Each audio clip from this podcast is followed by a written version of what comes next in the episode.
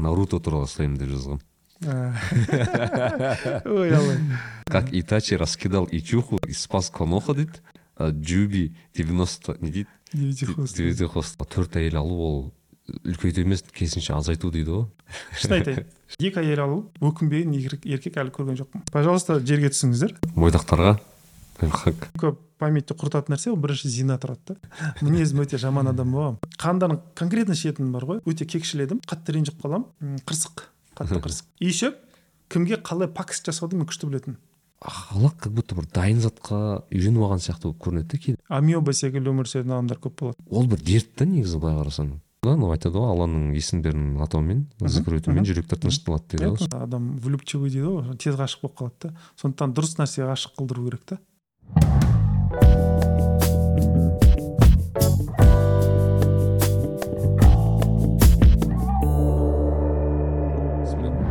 Ассалаумағалейкум достар. Ә, сіздермен мен нәрікбе және нәрікбе лайф ә, подкасты. Әдеттегідей ә, подкастымыздың бастамас бұрын лайк пікір коммент тағы достарыңызбен бөлісуді ұмытпаңыздар. Және де бүгін бізде подкастымыздың ең ә, қалай айтсам екен сүйікті және ең көп күтетін қонақтарымыз табиғат ағамыз келіп жатыр табиғат аға қош келдіңіз. Ассалаумағалейкум. Рахмет. Шақырғандарыңызға. Иә бүгін қаншасыншы рет жазып отқанымыз есімде жоқ бірақ бұл төртінші ма? Төрт па бес па? бес па? бір өзіміз де шатаса бастадық бірақ иә. әр бір ұнайтын сізбен жазатын анау біз қайта қайта анау жазамыз бір жарты жылдан кейін жазамыз. И әрқашан жаңа бір ойынмен келеміз да өзгеріп былайша айтқанда иә айтады ғой адам өзгерсе значит ә, дамыды деген сияқты сондай. Иә енді бір жарты жылдың ішінде біраз нәрсе жиналып қалады. Ғой иә. Сол мен мынадай сұрақтан бастағым келген біздің бүгінгі әңгімемізді сіз мен есімде ең бірінші рет ә, былай сөйлескен кезде мен сұрақ қойғанмын сізге қандай запроспен көбірек келеді адам деген. Сол кезде сіз бірінші рет былай жауап бергенсіз. Екінші әйел туралы деп па айтқансыз. Енді сол уақытта иә. сол уақытта солай келеді дедіңіз. Одан мен келесі сұрақ келесі рет келген кезде есімде болса сіз аборт туралы көп келді деп айттыңыз. Иә. Иә? Иә. Ыыы енді менде сұрақ осы уақыттан қазір қандай ең қандай көп запрос келеді? Күйеуіне ренжитіндер көп болып кетті қазір күйеуіне ренжитін әйелдер. Бұл өзі сондай ғой волнообразно келеді өз несімен. Мхм. қазіргі волна сол күйеуіне ренжитіндер бір екіншісі күйеуінің әкесімен сыйыспайтын келіндер. Именно анасымен емес именно әкесі, Әкесімен әкесімен иә сыйыспайтындар көбейіп барады И обычно енесімен сыйыспайтын еді ғой обычно иә солай болатын көбіне қазір енді именно қайнатасымен сыйыспайтындар көп барады андайлар көп ыыы как бы қайынатам бізді үйден қуып жіберді дейтіндер. Иә. прям қуып жіберді. иә қуып жібереді там мен өз үйіме кетіп қалдым енді қайтқым келмейді уже екі үш рет солай болды деген секілді сондай нәрселер бар да.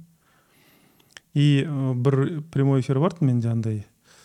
Күйеуім маған измена жасаса күйеуім мені тыңдамаса күйеуім мені түсінбесе естімесе не істеймін дейтін әйелдерге әдейі жазылған бір не бар еді андай прямой эфир. Сол прямой эфирді маған пришлось нетуге андай. Инстаграмда бар ғой ең жоғары қойып қойып бірінші көзге түсетін пин дейді пин пин дейді ғой Иә, сөйтіп- закрепить. иә закрепить сөйтіп белгілеп қойдым. Өйткені именно сол сұрақтар көп болып кетті да андай. Просто жібере беріңіз тыңдап шықшы деп. Иә осыны осыны тыңдашы деймін да. Ну кейін конечно әйелдер айтады «Э, иә осы видеода айтылған проблема бар. Ам, қалай десем екен?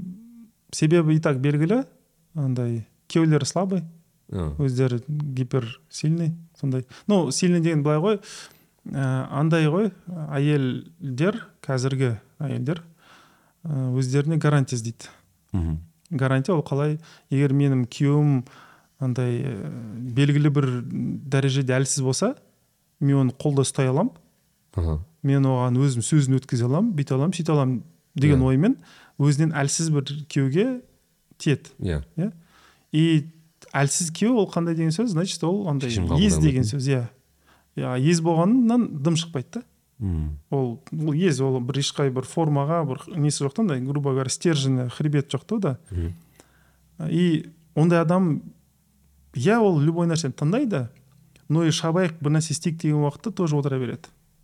Сондай да. И в итоге андай бір толк шықпайтын біреуге нетеді да. И мен сосын сразу ондай әйелдерге сразу бірінші сұрақ сұраймын. Сіз тұрмысқа шықтыңыз ба или күйеуге тидіңіз бе? Оу. то есть былай сұрақ қояйын точнее сіз андай үйлендіңіз ба оған или тұрмысқа шықтыңыз ба деп сұраймын да? Тұрмысқа шықтым жоқ сіз оған үйлендіңіз ол сізге тұрмысқа шықты деймін да. Күйеуіңіз жестко да иә сразу сол сұрақты бірінші сұраймын. Чтобы әйел немного подумал біраз ойлансын Иә. деген сияқты. И конечно же көбісі не дейді? Көбісі емес даже барлығы айтады жоқ мен тұрмысқа шыққанмын дейді да. Мен сосын барып- отрицать иә сосын барып айтамын сен не істейсің? Ол айтады мен мынаны істеймін а күйеуің не істейді? Мынаны істейді енді былай ойлашы оның істеген ісі мен сенің істеген ісің қай қайсысың осы жерде күйеусіңдер қайсы- қайсысың осы жерде әйелсіңдер? Иә.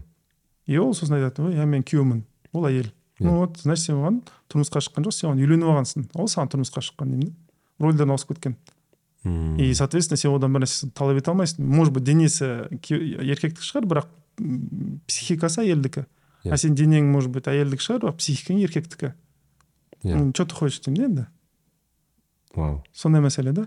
Ол бар ғой. Мысалы бізде бірнеше рет осы сұрақ қозғаған еді. Мысалы тіпті сіз мысалы консультация жүргізесіз тренингтер басқа ұстаздар басқа кісілер тренинг консультация басқа жүргізеді. Сол кезде бәрін айтатын бір сексен тоқсан пайыз келетіндер әйел кісілер дейді да. Иә минимум жетпіс процент иә жетпіс пайыз Иә. минимум. Яғни білім алуда жаңаша бір дамуда еркек адамдар почти жоқ дейді да. Всегда почему то әйел адамдар білім алуда емес білім мәселе. алу емес жалпы. Иә ол мынандай нәрсе. Ер адам ә, біреумен ақылдасу мақсатымен келсе ол просто так ақылдаспайды. Оның алдында екі нәрсе тұрады. Біріншісі ол мен қателестім дегенді мойындау керек та. Бір мысалы жолмен келе жатыр қателесті қателігін мойындау керек бір. Екіншісі өзінің намысын жаңағы эгосын бір жаққа қойып қойып барып біреудің алдында кішіпейілдікпен сұрақ сұрау керек та.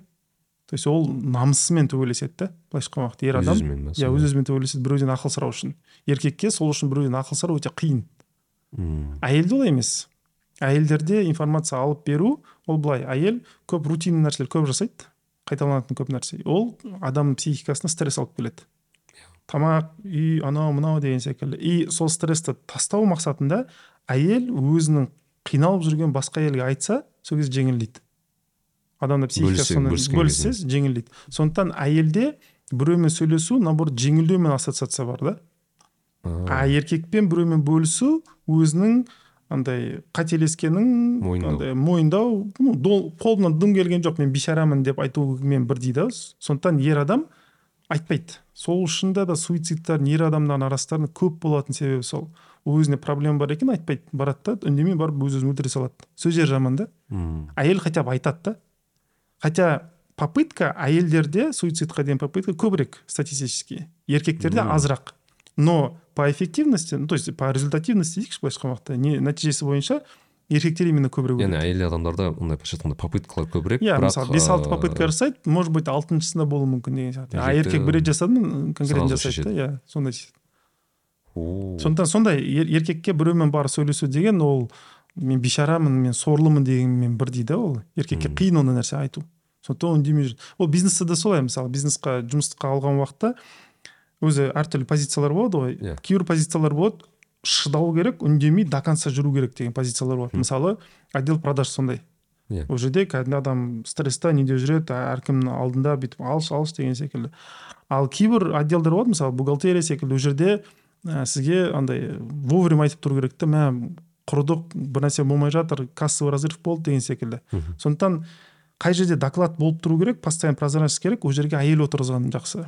Олар сразу, ай- сразу айтады да короче, нәрсе бухгалтерия. Иә мысалы бухгалтерия. Бір нәрсе болмай жатса сразу айтады ол. Болмай жатыр короче или красный андай- лампочка болса иә, сразу иә сразу. Әйелдер сразу айтады. А еркектерді андай позиция қояды специально. Үндемей шыдап до конца жүретін сондай позициялар қою керек та. Продажа мысалы. Иә сонда более эффективно болады да. Ал егер мысалы андай әйелді стрессовый жерге салып қойсаңыз ол постоянно жалобы айтып тұратын болады. М, ал прозрачность болу керек жерде мысалы постоянно доклад айтып, доклад айтып тұратын бір нәрсе өртеніп жатса жанып жатса сразу ә, дереу не беретін сигнал беретін ол жерге еркекті қойып қойса еркек сигнал бермей қояды. И ол жанып кетеді уже ол жер. Бір қарайды уже. Иә. Сондықтан бизнесте де солай да иә бизнесте де солай и любой жерде солай. Ер адам былайша айтқанда сіздің сөзіңізше мысалы маған ұқсайды қазір неде бар ғой мен білемін бір кейбір бизнестерде тек жігіттерді ала береді да еркек адам әйел адам жоқ. Иә. Сол кезде мен айтамын сендер енді ең болмаса хотя бы для приличия алсаңдаршы деген нәрсе. Мысалы сіз сөзіңіз мысалы Иә. тоже растап отырмын мысалы кейбір позицияға шынымен әйел адам более келеді даже. Иә. Ол егер былай қалай десем екен егер ыыы собственность бизнесі андай нені қаласа енді бизнестің жаңағы иесі ә, ешкім маған жалоба жасамасын. Қырылып жатса да мен келмейді араласқым келмейді десе ол жерге көбіне еркекке алған дұрыс болады да. Ал егер бизнесте не болып жатыр вдруг бір нәрсе болып қалды анау мынау деп постоянно білгісі келетін адамдар болса ол көбіне әйелдер алады да. Өйткені әйелдер ол шай ішіп отырып та айтып береді да барлығын не осыған. Ол сондай. Күшті. Бірақ мен сөздің басынан қайтқым келіп отыр да. Сіз айттыңыз еркек ә, әкесімен дедіңіз. Мхм. просто мен шын айтсам бұл маған жаңалық болып тұр да Иә, маған да жаңалық болды. болып ыыы енді андай э, мен пока оған бір түсініктеме өзі басым шын айтсам бере алмадым. Бірақ мынандай семьялар қазір көп нетіп жатыр.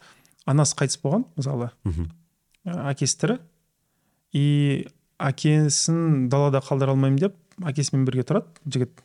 Иә. И келінді де бірге алады. А әкесі ә, жаңағы кезінде былай айтайын енді өлтірген деп айта алмаймын. Бірақ әйелін өзінің әйелінің ерте қайтуына себеп септігін тигізген. септігін тигізген сондай ә, ш- шал кісілер әжептәуір бар да.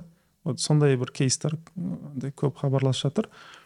И немесе анасы қайтыс болып кеткен немесе анасы өзінің жаңағы әкесінің мінезіне шыдамай кетіп қалған үйден кезінде. Иә. Тастап кеткен сондай. И жаңағы келіндер өзінің қайнатасымен сөйтіп қырылатындар.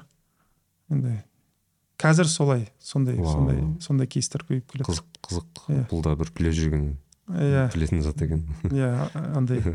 Қызық. Мен өзім таңғалып отырмын өмір таңғалуды былай не істейді андай бір иә. жарат бірақ айтады ғой көп таңғалма басыңа келеді деген нәрсе де бар енді. Но соның өзінде де былай ойлайсың да вроде бы неше түрлі былай еді ғой негізі деген иә сияқты ма? вроде былай еді ғой деген сияқты. оказывается басқа да кейстер болады екен.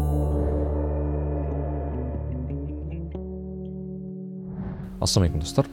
Қазіргі таңда қаржылық сауаттылыққа байланысты көптеген кітаптар мен курстар бар. Және бұл қызығы бұл кітаптардың ішінде шынымен қайсысын таңдарын адамдар кейде білмей жатады.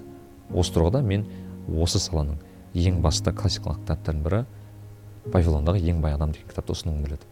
Бұл кітаптың ерекшелігі бұл кітап 1926 жылы жазылған және де әлі күнге дейін бір ғасыр өтсе де өзектілігін жоғалтпаған.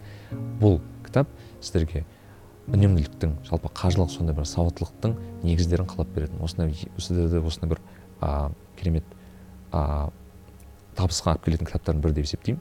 Сондықтан бұл кітапты оқып кішкентай ғана кітап болса да керемет дүние білім алуға болады. Әрине бұл кітапты біз біздің достарымыз кітап ал кітап дүкені арқылы алуға болады. Кітап алда неше түрлі қазақ тілінде болсын орыс тілінде болсын кез келген кітаптарды табуға болады және ә, ол жерде тапсырыс та алып алуға болады және де барып та оқысаңыз болады сол кітапты оқып бай болайық подкастымызды тыңдайық. Көп рахмет.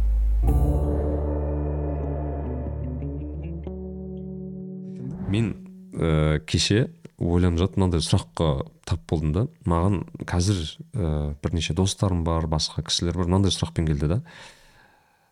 Адам баласы жалпы қазір енді біз ойда жүрміз ана бір мысленный поток дейді Мгм. ойланып жүреміз ойланып жүреміз енді ойлану дұрыс қой әрине бірақ ә, менің бір та, кейбір таныстарым мынандай жалоба жасады да маған.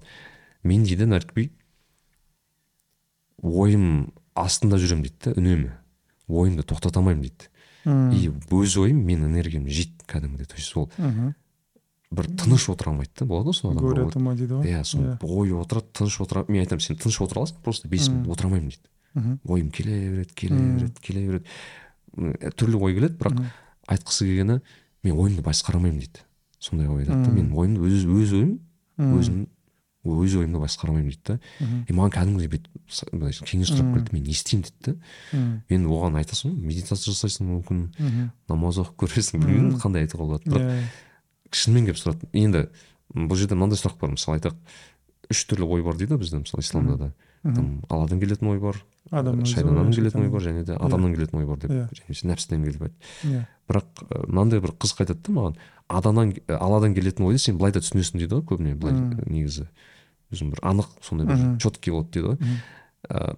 Шайтан келетін ойды сен ауыз деп бүйтіп қайтара аласың дейді бірақ мхм. адамның беретін ойды сен қайтара алмайсың деген сияқты бір сөз айтты да ол рас па? Или жалпы қалай не істеу ну керек ол мәселе ой келетін себебі неге? Негізі ол жүректе тесік бар деген сөз.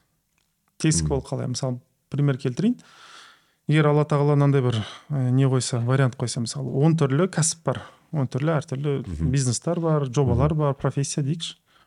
И алла тағала былай айтса ә, кез келген таңда ә, бақытты қыламын бай қыламын жұмысың өзіңе ұнайтын болады халық сені қолдайтын болады. Енді күшті болады өмірің десе мысалы иә. онда сұрақ қай жобаны қай профессияны таңдайтын маңызды ма? Былайша айтқанда жоқ қой. Маңызды емес. иә. Если любойынан результат беремін десе сто процент иә. мысалы?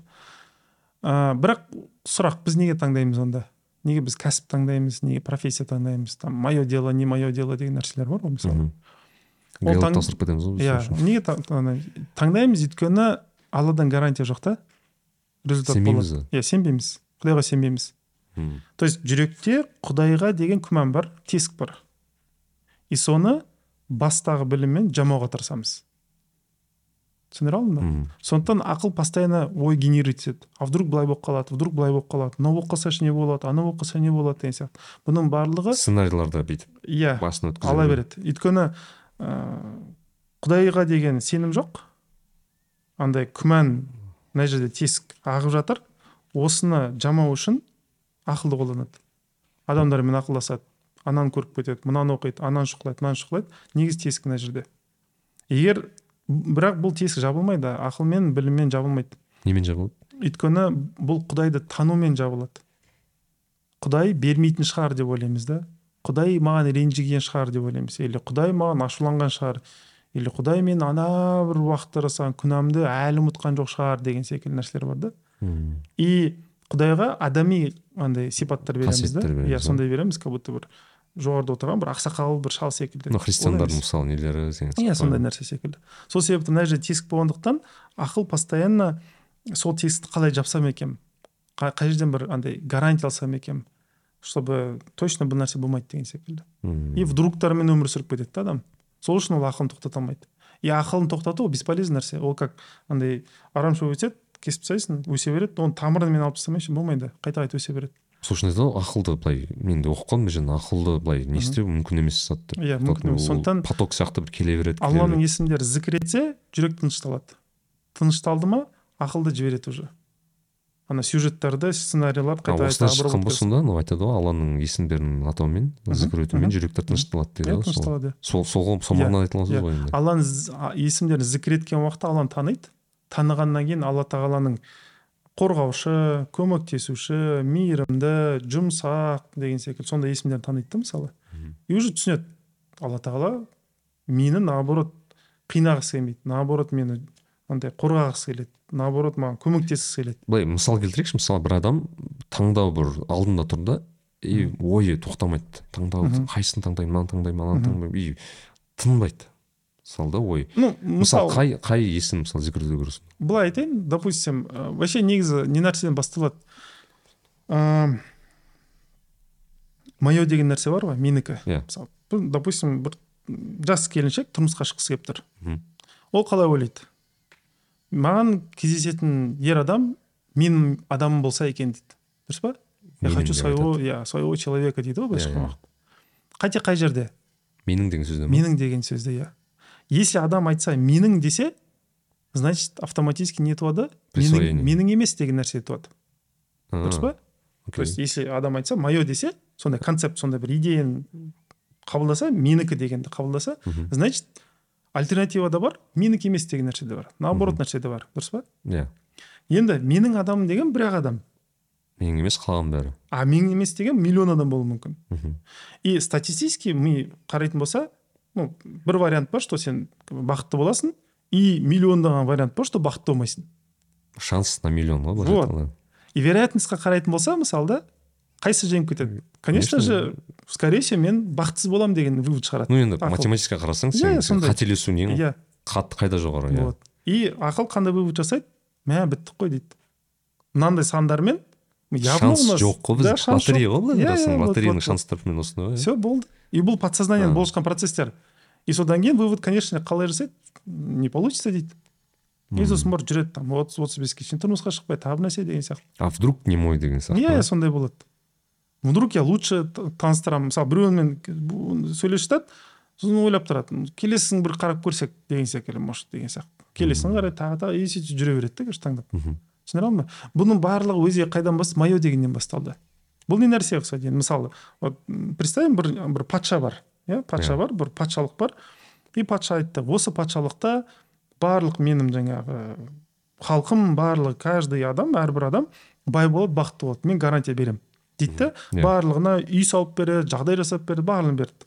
И вдруг біреуі біреуі сол мыңдаған адам ішінен біреу алды да өзіне бір бір жерді бүйтіп ойып тұрып забор салып алды өзіне. Иә. Менікі деп. Иә. қалай көрінеді ол сырттан? Ерсі көрінеді. Ерсі көрінеді ғой.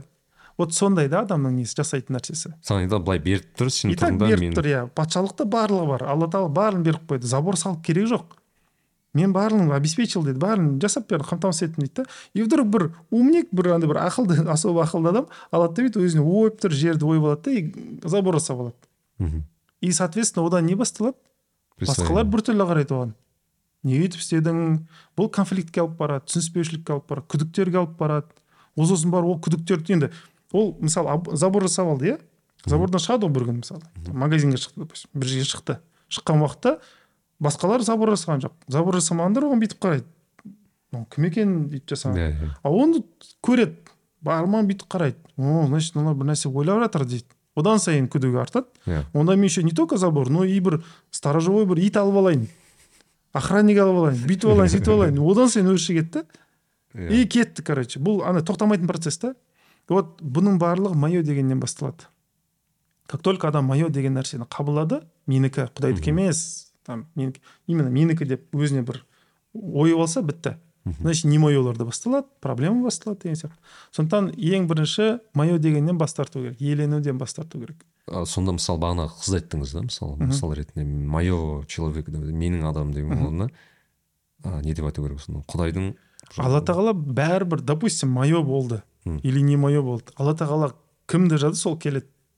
Иә ол таңдайды адам келеді ғой басқа Иә, адам келді, келді. былай допустим болмады ал не істейді алла бәрібір то есть алла тағаланың жазған нәрселері келеді істеледі бәрібір болады да.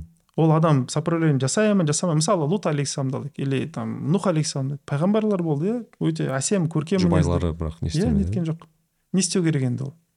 Қанша жерден пайғамбар болып тұрсаң да идеальный болып тұрсаң да бәрібір қойныңа жататын адамның өзі тыңдамауы мүмкін қабылдамауы мүмкін. Өзінің ішінен шыққан баласы неткен жоқ.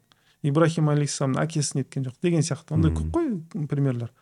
То есть адам сосын еще майо дегеннен кейін еще не тот адам болып қалса или бір андай тренер болып қалса түсініспеушілік болса адам өзін жек кетеді ғой сосын. М. мә мен нашар адам шығармын сондықтан маған сол нашарлы жаңа құрандағы ана аятта алып мынандай әйелдерге мынандай еркектер мынандай жақсы еркектерге жақсы Иә, и кетеді да андай мә сонда мен ана күйеуім нашар мен де нашар короче үй, кетті шешіп кете ма иә бытчист болып кетеді да. Хотя ол нету керек андай қажалу керек та бір бірлерін андай бір пример келтіремін голтовка деген бір не бар? А бір бір қатты тастарды бір жерге салып алады да ана темір. Ыдысқа салып бүйтіп шайқалайды шайқайды екен біраз уақыттан она бір бір тастар бір бірімен шайқалып шайқалып ең соңында домалақ әдемі тастар болып шыға келеді. Иә мен бір видео көргенмін иә кажется сондай сіз иә каналда жып жылтыр бір иә күшті болып шығады вот сондай жүректер де сондай. Неше түрлі андай жүректер келеді да и алла тағала әйелі мен күйеуінің жүрегін бүйтіп бүйтіп бүйтіп бүйтіп ең соңында әдемі болып шыға келеді неге мысалы біз шал кемпірлерді көреміз ғой? Бір бірін жақсы көреді сондай. Бірақ олар жас кезінде олай болған жоқ олар талай қырылып қырылып қырылып отыз қырық жылдан кейін сондай жөп жұмсақ болып кетті бір бірін құшақтайды бір бірін сағынады деген секілді. А жиырма жаста неше түрлі нәрселер болып тұрды да оларда. Ондай мындай болып содан өту керек. Бір конфликт не значит что не мой человек деген сияқты. Енді сұрақтың басына келсек мысалы шеш жалпы вот ойларға байланысты сіз айттыңыз мысалы тесік дедіңіз ғой мысалы тесікті жабу жабу керек қой жалпы сонда? Иә. Қалай болса да. Алланы танумен алланың есімдерін зерттеумен зікір етумен иә жам- жамалу керек. былай айтқанда зерттеу деген кезде оны тану деген кезде Иә. былай түсіну керек сияқты да оның шынымен мағынасын түсіну керек иә алламен танысу керек. Көп адам таныспаған. Көп адамның басында бір алла бар придуманный алла. Ойындағы. Иә и ақиқатында бір алла бар да. Екеуінің арасы өте үлкен. И көбісінде андай адами э, как бы сипат қойылған да. Сол себепті былай деп айтамын құдайды көз алдарыңызға елестеткенде или мысалы мысленно бір сөйлескенде иә оймен. Құдай деген уақытта құдай деген сөз всегда аллах деген сөз всегда ассоциация бесконечность болу керек шексіздікпен. Мм ассоциация ма? Иә басыңызда құдайды шексіздікке көбейтіңіз деймін да всегда. Сол кезде может быть құдайды тани бастайсыздар. Өйткені мысалы былай келтірейін.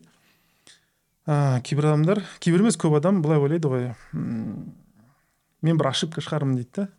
Ошибка природы деген секілді Иә, как бы алла тағала мені бекер жаратты деген ой тұрады да ішінде. Өйткені өмірімде анау болмады мынау болмады мынау болмады алла тағала как бы қателесті деп ойлайды да. Бірақ алла тағала қателеспейді ғой ешқашан. Әрине. И алла тағаланың қателеспейтінін түсінсе ғана өзінің бекер өмір сүрмей жатқанын түсінеді да. Құнды екенін түсінеді. Құнды екенін түсіне бастайды да. А неге ол құнсызбын деп тұр? Өйткені алла тағалаға қателеседі деп ойлайды. А неге қателеседі деп ойлайды? Өйткені ойлайды алла тағаланың ә, как бы ә, білімі құдіреті шекті деп ойлайды. Сондықтан барлық дұрыстау үшін формуланы дұрыстау үшін алла тағала деген понятие ассоциация адамда не болу керек? Шексіз. шексіздік болу керек. Иә. Шексіздік қателеспейді. Шексіздік бекер жасамайды бір нәрсе. Бекер деген зат жоқ қой бекер жоқ. Алла тағалада қате деген бекер деген нәрсе вообще жоқ ондай. Алла тағала сол үшін біз субханаллах дейтініміз сол. Ондай ә, біз ойлағаннан әлдеқайда таза алыс дейміз да ондай нәрсе. Сондықтан алла тағала шексіз болса ешқашан бекер жасамайды ешқашан қателеспейді. Демек мені де жаратқандай қате жасаған жоқ. Но егер мен өзімді ойластырған уақытта бір қате көріп тұрсам демек немен не нәрседе қате болып тұр менде емес қате. Мен қараған инструментімде қате бар деген сөз. Қандай құралмен қарадым? Ақылмен қарадым. И қате көрдім. Ақыл бір очки секілді. Егер очкиң кір болып тұрса бүкіл әлем кір болып көрінеді да. Демек очки тазарту керек та әлемді сөгуге болмайды. Әлем Иә. кір екен деп айтуға болмайды да очки тазарту керек та. Демек адам өзінің ақылына не істеу керек бас тарту керек. Иә. И құдайға жүгіну керек. Тәуекел деген сол. Ал егер жоқ мен ақылым дұрыс анау мынау деп ақылын шешпей қойса онда үнемі алла тағаланың андай шексіз сіздің даналығын ана сөзіңіз неге ұқсап тұр? Айтады ғой, жүрекпен шеш жүрекпен қабылда деп кейде айтады ғой мысалы. Ақылмен емес деген сияқты. Иә соған келетін сияқты да мысалы. Ақыл ол өткен шақты ғана анализ жасай алатын құрал. Келешекке бар информациямен жұмыс Иә. сияқты Иә, бар бар информациямен сияқты, сияқты а жоқ нәрсемен жасай жүрек ол емес? Жоқ жүрек ол сеніммен жүретін нәрсе. А сенім ол әлі болмаған әлі дүниеге былай айтып келмеген ғой мысалы жүректің алламен байланысы бар ғой. Мгм. ақылдың ондай байланысы болмауы мүмкін иә сондай жүрек келешекке қарап тұрады. Ақыл өткен шаққа қарап тұрады. Екі. Иә. А біз өткен шаққа қарап тұрған нәрсені бүйтіп келешекке бұруға тырысамыз да ол оған келмейді. Ол үшін жаратылмаған. Сен синтез жасай алмайсың ғой мысалы Иә. Қазір ана AI дейміз ғой ол да жұмыс былай ғой ол. Иә. Осыған дейінгі информациямен иә жұмыс істеп келешектегі информациямен жасай алмайды жасай алмайды иә ол синтез жасау мүмкін бір нәрсені бір нәрсені қосу мүмкін бір мүмкін но ол андай ә, кардинально жаңа дейді ғой концепт шығара алмайды. То есть жоқтан бір нәрсені тудыра алмайды былайша айтқан уақытта. Бар нәрсені бір видоизменение секілді бір өзгеріс жасауы мүмкін а так былай жоқтан бір нәрсені бар ете алмайды. А жүрекке мысалы неге артисттар допустим режиссер жаңағы художниктар неше түрлі жаңағы өнер ыыы жұлдыздары иә? Олар неге үнемі шабыт іздейді? Шабыт ақылмен келмейді шабыт жүрекке түседі. Иә. Сондықтан олар всегда андай бір нәрсеге солай сеземін деп айтады иә сол ғашық болғысы келеді. Үнемі мына жақты ойлап жүреді да олар. Иә. И іс әрекеттеріне қараған уақытта нелогичный көп нәрсе жасайды. Неге? Өйткені мына жақпен жүреді да олар. И как раз таки солар күшті шедевр шығарады жаңағы кеше картиналар ғана сол сияқты. қызық мен бір музыкант жігітпен кездестім Мгм. өлең бәрі ә, не екен да андай өзінің ғашық болған ә, кездерінен шығара берген да сонда Иә, соны айтамын мен қай жерде ғашық болдым десем Иә. ой мына кезде бір ғашық болдым ана Иә, кезде бір иә, ғашық иә. болдым не деген жүрек деймін да ана иә, иә. бірақ бүкіл шығармашылығы шынымен де ақылмен Иә. как бы нелогично Иә. көрінеді да бірақ иә. Оның шығармашылығына ол Иә. керек болды дейді да маған Иә. шығармашылығы осы бірақ керек. бұл жерде айтып тұрған жоқпын мен де о- өнер қайраткерлерінің жасаған методикасы дұрыс деп өйткені е, е, өйтіп тым көп қолдана беруге болмайды. жалпы сондай Иә. сондай бар деген ғой Иә. жалпы. Ол қызық. Ис- ислам әлемінде былай істеген ислам әлемінде ғашық болу объектілерін ауыстыра бермеген. Ислам әлемінде аллахқа ғана ғашық болған и аллахты үнемі жаңадан тануды үйренуген түсіндіре алдым ба? Мысалы мен биыл аллахқа мына есіміне бола ғашық болсам келесі жылы мына есіміне ғашық боламын үшінші жыл мына есім деп үнемі өзіне бір жаңа есімдер шығарып тұрған да. То есть объектін өзгертпеген исламда солай. Ал ә, егер исламды алып тастасаңыздар аллахтан басқа нәрсенің бәрі өзгеріп тұрады ғой. Иә. И мен мысалы бір әйелге ғашық болсам ол өзгереді. Қартаяды деген секілді. Онда оның орнына басқасын іздеймін. Оның орнына басқасын іздеймін. Сөйтіп кетемін да. Өйткені жаратылыс үнемі қартаюға өшуге бейім. Ескіруге бейім да. Алла тағала ондай емес. Сондықтан алла тағала бір рет ғашық болғаннан кейін өзгер махаббат өзгермейді. Өйткені ол үнемі әдемі да үнемі әсем болып тұрады. Тек анау махаббат объектісі өзгермейді бірақ фокусың өзгеруі мүмкін да. Именно Иә. ішіне неге былай қазір сен фокусың қай жерде деген Иә. сияқты. Сол ғой иә. Ал жаратылысқа болатын болса жаратылысқа ғашық болған уақытта придется постоянно жаңа махаббат іздеп кетуге. Жаратылыс та солай. Жаратушыда емес жаратушыда бір рет ғашық болғаннан кейін бітті. Басқа нәрселерді уже қаламайды адам. Сондай нәрсе бар да. Бұл сахабалардың несі ғой иә былай состояниесі болған әрқашан аллаға ғашық иә состояниесі и там ғалым адамдар әулие адамдар деген сияқты сондай адамдар. Алланың достарында сондай состояние болады үнемі. Олар Иә. басқа ешнәрсе қызықтырмайды. Алланы бір рет сүйгеннен кейін бітті разлюбить деген нәрсе жоқ аллада. Иә. Вот. бірақ кейбіреулер айтады кезінде мен алланы сүйген едім бүйткен едім сөйткен жоқ ол емес. Ол ол ондай нәрсе. Алланы шынымен де ақиқатында бір рет сүйген адам қайтадан бас тартпайды уже. Өйткені в сравнение келмейді ешнәрсе ал кезінде ғашық болдым қазір ондай емеспін дейтін адамдар ол махаббатты әлі сезінбеген адамдар. Оларға аванс ретінде андай не берілген. Егер мына жолды жалғастырсаң ең соңында осындай бір үлкен махаббатқа жетесің деп басында бір дәмін бер, береді алла тағала. Кішкене. Иә. Мгм. стимул ретінде. Эпитайзер да. Но ол толық махаббат емес ол. жетпейді. Иә күшті керемет жауап болды деп ойлаймын мен біз бағана кішкене болсын бағана технология туралы айтып кеттік та менде қазір мынандай соңғы уақытта сұрақ деп айтайын енді сұрақ шынымен мазалайтын болды қазір енді білесіз чат gpt дегендер пайда болды Иә. әртүрлі технологиялар пайда болды негізі адам өмірін жеңілдететін дүние мхм. шынымен дұрыс қолдансаң ше бірақ ыыы менде мынандай консерн бар да енді оған байланысты ыыы тіпті қазірдің өзінде мысалы даже бізде байқаймын жазудың орнына бағана чат gpt запрос жібереді да мынаны текст жазып береді отырады тағы тағы текст жазып береді и өзің жазудың орнына мхм. осындай запростар жіберіп жіберіп ол қазіргі состояниесі да енді бұл айтады ыыы тұсауы кесілмеген технология дейді да әлгі енді Мгм. бастауы былайша айтқанда бірақ енді мен қазір кішкене енді мен қаншалықты дұрыс екенін білмеймін, жоқ мен нені қараймын? Ыыы трендті қараймын да адамдардың оны қалай қолданысы жайлы. Мхм. и бір бір ой пайда болады да бұл адам өмірін тым жеңілдетіп жібермей ма деген сияқты. Себебі андай бір бұл жердегі мәселе қалай? Мысалы бұрында біз мен мысал келтірдім да жаңағы мысалы кішкене кезде универдің кезінде реферат жазатынбыз да. Мхм. реферат жазғанды қалай жасайсың ізденесің да. Оқисың кітап ашасың ақтарасың тіпті гуглдан болсын іздейсің оқисың. Қазір ол емес та адамдар кәдімгі просто инструмент салады салады салады болды дайын дейді да. Или даже тіпті кей кезде мысалы анализ жасау керек ол анализді бір технологиялық сеніп тапсыра салады да. Өзінің хотя бы несі болу керек қой өзінің де бір ой Иә. и менде ой, ой пайда болады адам бара келе осы технологияларды қолданып қолданып қолданып ойлануды тастай ма деген сияқты сондай бір ой да пайда болады да. Иә оған келе жатыр өзі не бар? Атын ұмытып қалдым бір израильдің бір социологы бар. Ә, социолог журналист бір специалист бар. Ә, сол кісінің жазған бір мақаласы бар. Ә, келешекте дейді андай амеба секілді өмір сүретін адамдар көп болады дейді. Иә. То есть үйден шықпайды ә, там пиццасын заказ жасайды ә, компьютерде отырады ойыннан басқа ешнәрсе білмейді и постоянно андай социальный пакеттерде отырады. Там андай мың мың бес жүз доллар ай- айына қырық екі мың бес жүз деген бір нәрсе келіп тұрады иә деген секілді сондай. И ол рас енді оған келе жатыр. И так ондай адамдар саны өте көп андай жасанды ақылды қолданбасақ та ондай. Бірақ қазір мынандай нәрсе болып жатыр. Бұл енді не ғой? Адамзатты игерудің адамзатты контроль жасаудың бір жолы. Мм. и ә, қазір мысалы сол чат gptдің өзін күнделікті ұстап тұру үшін күніне екі миллион доллар кетіп тұрады екен мысалы. Иә ол өте көп. Иә. Ол не үшін жасап жатыр? Андай бір сөз бар ғой егер ә, продукт бесплатный болса ақысыз болса онда продукт сен өзіңсің деген сөз бар да.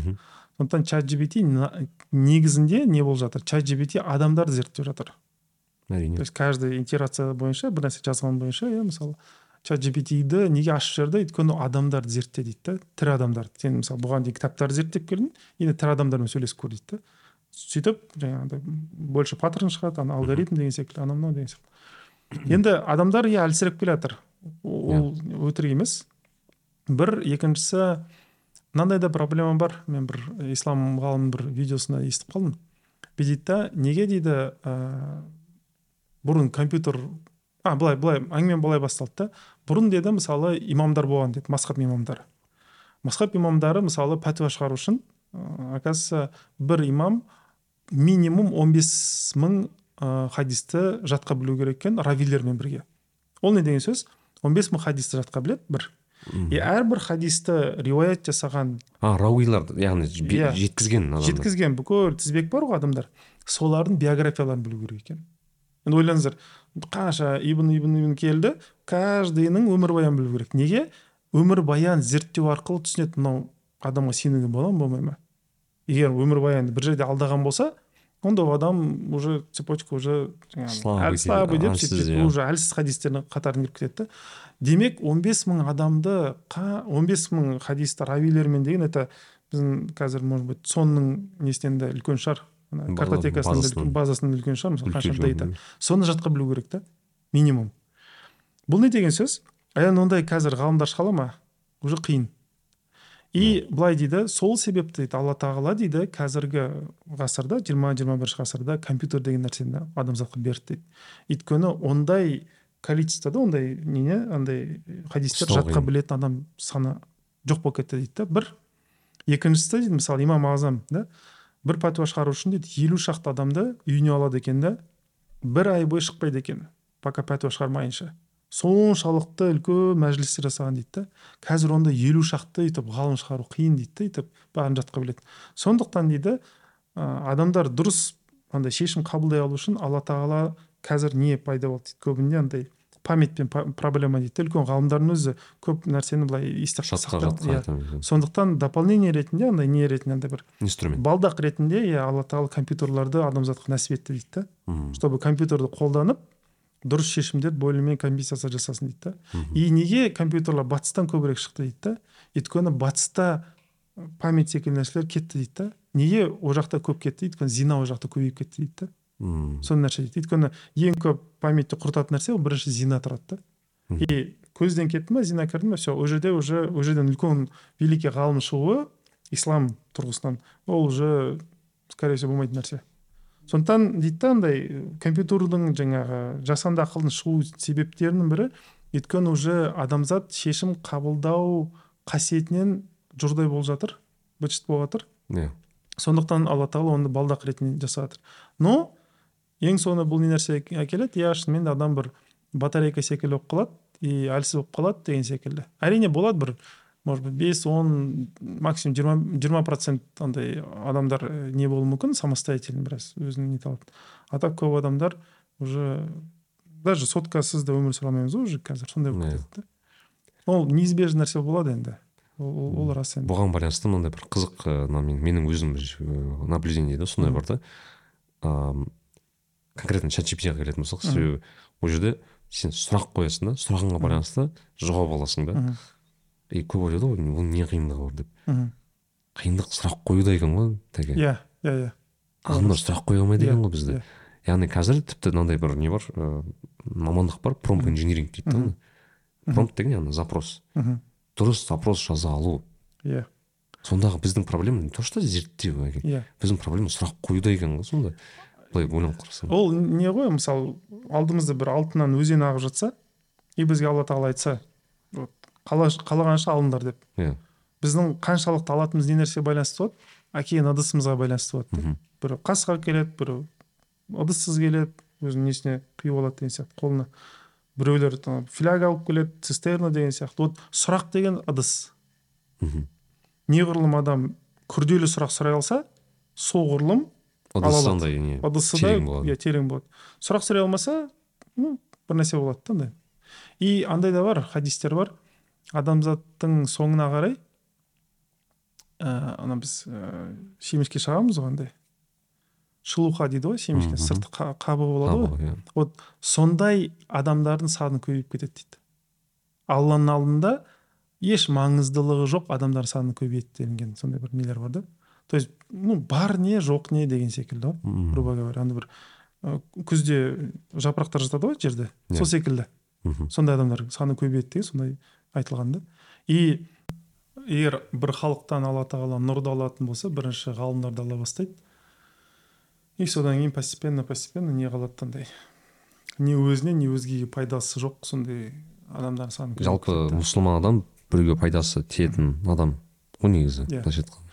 И мысалы қиямет дейді ғой мысалы ақыр заман келеді ғой. Мхм. Ақыр заманды неге мысалы хадистерде айтылады ғой мұсылман адам көрмейді дейді. Қияметте иә мысалы андай ақыр заман келеді ғой мысалы. Иә.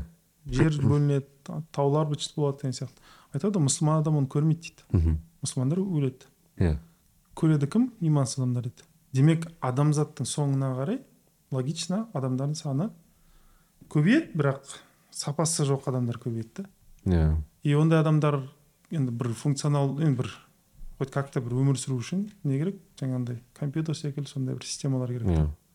Енді менде мына келесі сұрақ мынандай болып тұр да. Теге мысалы қазір ыыы жеңілдету деген затты бастадық қой. Адам өмірін жеңілдету тағы басқа. Мен енді мені былайша айтқанда мазалап жүрген сұрақтардың бірі да мысалы бізде ыыы халықтың арасында мысалы жеңіл ақша деген зат бар мысалы Мхм. ана біз лудомания микрокредит тағы басқа тағы басқа. Ну соңында алып келген кезде по идее ең соңы келген кезде ол былайша айтқанда ойланбау және өте бір мемлекеттің былайша айтқанда ну, несінен алу бағанағы не дейді анау орысша Дайын затқа үйрену деген сияқты иә. И оны көріп мен өте бір не таң қалатыр бір ну, өкінішке орай көп нелер көріп жатамыз мысалы тіпті анау қаңтардың кезінде болсын басқа кезде болсын. И как бы халық как будто бір дайын затқа үйреніп алған сияқты болып көрінеді да кейде адам өзі бір. иә. И ол бір дерт та негізі былай қарасаң. Негізі Иә. мен, мен соны солай көремін жеке өзім. Иә. Өйткені шынымен үлкен бір дерт. Өйткені мысалы ыыы тіпті даже байқайсыз ғой инстаграм Мхм. комментарийлерға жазылады мысалы немесе халықты мысалы даже тіпті білесіз ана нан тартқан кезде тіпті осы видеолардың ішіңізде болды ғой андай ауызашар кезінде маған бүйтіп кіреді да Иә, макетімен иә. қопарып кететін. И мен қатты ойланатын да и мысалы сіздің ойларыңыз қызық болатын ол сана сананың проблемасы ма ол? Или экономика жағдайының проблемасы ма? Или ол неден не- ненің проблемасы ол сонда негізі барлығына келіп андай тірелетін болса бұл нәпсістің проблемасы ғой. Мхм. нәпсі тоймайды ғой бір. Екіншісі нәпсі сондай нәрсе. Мысалы неге ораза ұстаймыз? Мысалы ораза жаңағы ораза ол негізінде ол халал нәрседен бас тарту. Дұрыс па? Біз тамақтан бас тартамыз ол халал ғой. Бірақ Иә. бас тартамыз. Нәпсінің сондай нәрсесі бар. Нәпсістің андай жалмауыздығы тырнақ секілді өсіп тұрады. Оны кесіп тұру керек та. Аха. егер нәпсіге кішкентай халал нәрсе берілсе ол көбірек халал нәрсені сұрайды. Көбірек берілсе кейін харам нәрседе сұрай бастайды. Харам берілсе одан да харам нәрсе сұрай бастайды. Бір тау бір тау алтын берсе екінші тау алтын иә иә сұрайды сондай деген нәрсе. Сондықтан нәпсіні тәрбиелеуде тек қана харамнан ғана бас тартуға болмайды. Ол жет- жетпейді оған жеткіліксіз. Ол халалдан да бас, тарт, бас тартып тұру керек та Мхм. периодически дейді ғой былайша айтқанда уақыттан уақытқа сонда ол не болады да? Нәпсі сондай нәрсе ол. Періштелер сразу айтты ғой. Жер жүзінде қан төгетін біреу жаратасың ба деді ғой. Ол не деген сөз? Ол нәпістен. Ол барын жейді жейді де не жегенін білмейді да өзі секілді біреу жей бастайды деген сөз. То есть біреудің Мм. қан төгеді деген сөз. Иә. Сондықтан ә, бүкіл конфликттер бүкіл жаңағы нелер бұның барлығының түбінде жатқан нәрсе нәпсінің жалмауыздығы. Иә. Ол еш нәрсемен тоятын жабылатын нәрсе емес. Сондықтан оны шектеп тұру керек. Басқаша ол андай нетпейді андай. Оны бүйтіп тойдырамын оған бүкіл жағдай жасаймын. Жоқ адамдар ойлайды өзі бұл батыстың несі ғой философиясы ғой? Адам ә, там, бір әйелді қаласа әйелді бер сол кезде тынышталады дейді да. Уақытша тынышталады. Ол кейін екінші әйелді сұрайды тағы деген секілді. Ал ислам психологиясы не дейді? Әйелді қалап тұрма дейді. Иә. Қалаушылықтан бас тарт соны үйрен дейді да. Сезімнен иә. То есть андай нәпсістің өзінен бас тарту үйрен дейді да. Әрине мен мынандай нәрседе айтып кетейін енді. Жоқ ислам төрт әйел бар ғой анау мынау дейді да ол ол бөлек мәселе. Ол біраз бөлек мәселе. Айтқым келіп тұрған нәрсе нәпсті тәрбиелеуді үйрену керек. И нәпсті тәрбиелеуді үйренсе сол кезде жаңағы ықылас ихсан деген мәртебелер пайда болады да сахабалардың жаңағы нелер. И андай нәрсе жарайды бұны рас бұл темаға кіріп кеттік многоженство мәселесі бар ғой көп әйел мәселесі. Иә жиі қозғалатын Иә. тақырып бұл мәселе мысалы ер адам алмай емес алуға болады төрт әйел. Бірақ мхм. төрт әйелді игере алады егер ықыласты болса ғана. Ықыласты болмаса игере алмайды. Неге? Өйткені ықылас деген не? Алла ризалығы үшін ғана істеу деген сөз. Мхм. Алла разы болса болды. Қалған себептер маған маңызды емес алланың разылығын ғана аламын иә. Егер сондай оймен жүретін болса иә. Ондай адамның енді халі қандай болады? Күйеуіне қарағанда күйеуін көрмейді алланың құлын көреді. Мм. әйеліне қарағанда кімді көреді? Әйелін көрмейді құдайдың құлын көреді. Ол кезде шарт болмайды. Менің әйелім мынандай болу керек деген шарттар бар. А құдайдың құлына қалай шарт қояды? Шарт қоя алмайды. Дұрыс па? Сол секілді менің күйеуім мынандай болу керек деген шарттар бар. Күйеуіне қоя алады бірақ құдайдың құлына қоя алмайды. Сондықтан егер шынымен де адам төрт әйел алғысы келсе иә мысалы сосуществовать дейді ғой былайша айтқан уақытта онда әйелдеріне қарағанда құдайдың құлын көруді үйрену керек. Өзіне қарағанда құдайдың құлын өр- көруді үйрену. Соны үйренсе ол ке- ол кезде алса ол кезде бейбіт өмір сүре алады. Бірақ бізде олай емес. Мен әйеліме қарағанда әйелімді көремін. И шарттар қоямын. Ол Иә. шартқа сай болмағандықтан онда мен екіншісін аламын дейді. Шартқа сай болады тура сол проблема ұстады иә. Екіншісін алады ода да шартқа не өйткені не өзінің жаңағы бір негізі критерийлары бар. бір кісі айтып еді негізі исламдағы төрт әйел алу ол үлкейту емес керісінше азайту дейді ғой. Иә ә, негізі былай айтайын. Шектету яғни. Иә өйткені ыыы сахабалар кезінде сахаба деген уақытта арабтар кезінде кезінде Иә. средний дейді орташа әйел саны отыз қырық болған негізі. Еще плюс кімдер бар? Күңдері бар Иә, жаңағы иә. соғыста анда мында алынған көп болған да. Иә и төртке түсірілген уақытта төрт деп айтылған уақытта наоборот ажырасулар көп болған. То есть түсіртіл- бұл түсірілген саны. Иә вот біз ойлаймыз ғой наоборот көп жоқ ол түсірілген саны. Бұл исламның жасаған үлкен бір скачок жасаған да былайша айтқан уақытта. Өйткені мен жақында өзім түрлі мәдениеттер зерттеймін сол кезде бір і- үнді халқының бір енді ол жақта дін де көп ұлт та көп қой. Сол кезде бір рекорд болған екен бір кісіде жетпіс па әйел болған екен да қазіргі күні. Жетпіс әйел болған. Сонымен күлдім да айтдым біздің төрт мынаның жанында игрушка Иә. ғой дедім ғой шын айтқанда. Африкада көп андай Иә. екі жүз елу там иә екі жүз бір Иә, құдай салмасын енді андай нелер ну айтқым келіп тұрған нәрсе мынау. Егер егер адам ер адам ондай нәрсені қаласа мысалы онда ол ықыласқа бірінші жетіп алу керек. Иә. Ықыласқа жеткеннен кейін ол кезде игере алады. Жетпесе игере алмайды быт болады. Өз басым айтайын қанша ер адамдарды әйел адамды консультация жасадым. Екі әйел алып өкінбеген еркек әлі көрген жоқпын. Сізге келген. Иә көрген жоқпын. Шын айтайын. Шын сөйлесіп келеміз сөйлесіп келеміз. Иә все күшті күшті. Басында солай айтады. Сосын барып уже андай разговор болады ғой енді. Братан шын айтшы дегенде иә. айтады иә өкінемін дейді да өкінемін дейді бірақ елге оны айтпайды. Елге айтпайды ешкімге айтпайды ешкім барлығы күшті. Ана анекдот есіме түсіп кетеді. Ә, бір отырыстарда дейді жаңағы әрбір намаздың соңында мешітте әңгімелер болады ғой ислами сол сол кезде бір шал кісі постоянно мақтайды екен да. Екі, екі әйелім бар қаласа мынаны қаласа мынаны деген секілді. Сосын бір жас жігіт қайта қайта естіп қайта қайта естіп сосын бір күні екінші әйелді алады ғой естіген шығарсыздар бұл сосын барып бірінші әйеліне таяқ жейді екінші әйеліне таяқ жейді сосын барып пришлось неге? Мешітке барып түнеуге. Мешітте ана шалды көреді. Е сіз айтып едіңіз ғой анау күшті өмір анау мынау дейді да. Не неге мешітте қонып жүрсіз? дейді да. Реклама жасап едіңіз ғой дейді. Сол кезде айтады мен мешітте жалғыз қонудан шаршап кеттім дейді да. Тағы біреуін қонған қаладым дейді да короче. Сонда реклама жасадым дейді да. Екінші әйел дейді да. Вот зато енді менімен бірге жүрсін деген сияқты. Сол сондықтан ыыы бірақ мынандай да бір парадокс бар. Ықыласқа жеткеннен кейін адам бір қызық жері. Екінші үшінші әйел іздемейді. Мм. бірақ бір нәрсе бар құдай береді. Сондай нәрсе бар. Құдай береді? құдай береді. Андай қағида бар. Адам дейді дүниенің артынан жүгірсе дүние жеткізбей кетеді деген нәрсе бар. Мхм. Дұрыс па? Бірақ дүниеден бас тартса дүние артынан қалмай қояды деген нәрсе бар. Иә. Вот. Сондықтан ықыласқа жетсе бір еркек оған наоборот тұрмысқа шыққысы келетін әйелдер саны көбейіп кетеді. Мм. запрос жасап кетеді түсіндім иә оның емтиханы сонымен болып кетеді да Мм. и мен ондай бір кісіні кездестіргенмін енді мен айта алмаймын жүрегіне кіріп шыққан жоқпын ықыласқа жетті ме жет ихсан дәрежесіне жетті ме жетпеді ме аллаху алям бірақ андай нәрсе бар ғой енді. Адам зерттейсің да бүйтіп қарайсың көзқарасын несін сөздерін. Өте қызық.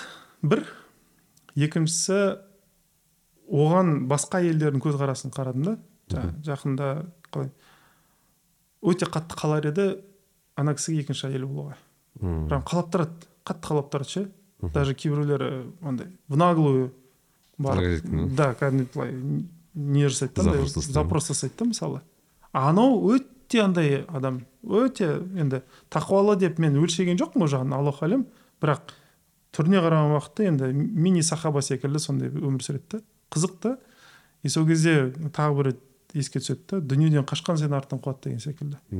Сондай нәрсесі бар да сондай бір мен эффект ана сіз айтып отқан кезде есіме түсіп кетті. Бір ііі бір сондай бір жағдай болған еді анау. Есімде болса омар радиаллаху анху ма? Ә, не істейді ііі ет бірнеше күн ет жемей ма? Сондай бір шығып бара жатқан кезде алдына али радиаллаху анху шығады екен да сол кезде айтады. Сен қай жаққа бара жатырсың деген кезде мен бірнеше күн ет жемедім. Ет жеуге ет кішкене алғым келеді деген кезде сол кезде али айтқан дейді да. Сен сонда қалаған затыңды ала бересің ба деген. Мм.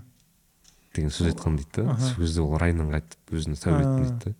Сол сияқты болып тұр ғой бұл енді. Ну мысалы ет жеуді қалау ғой бірақ мынандай нәрсені айту керек.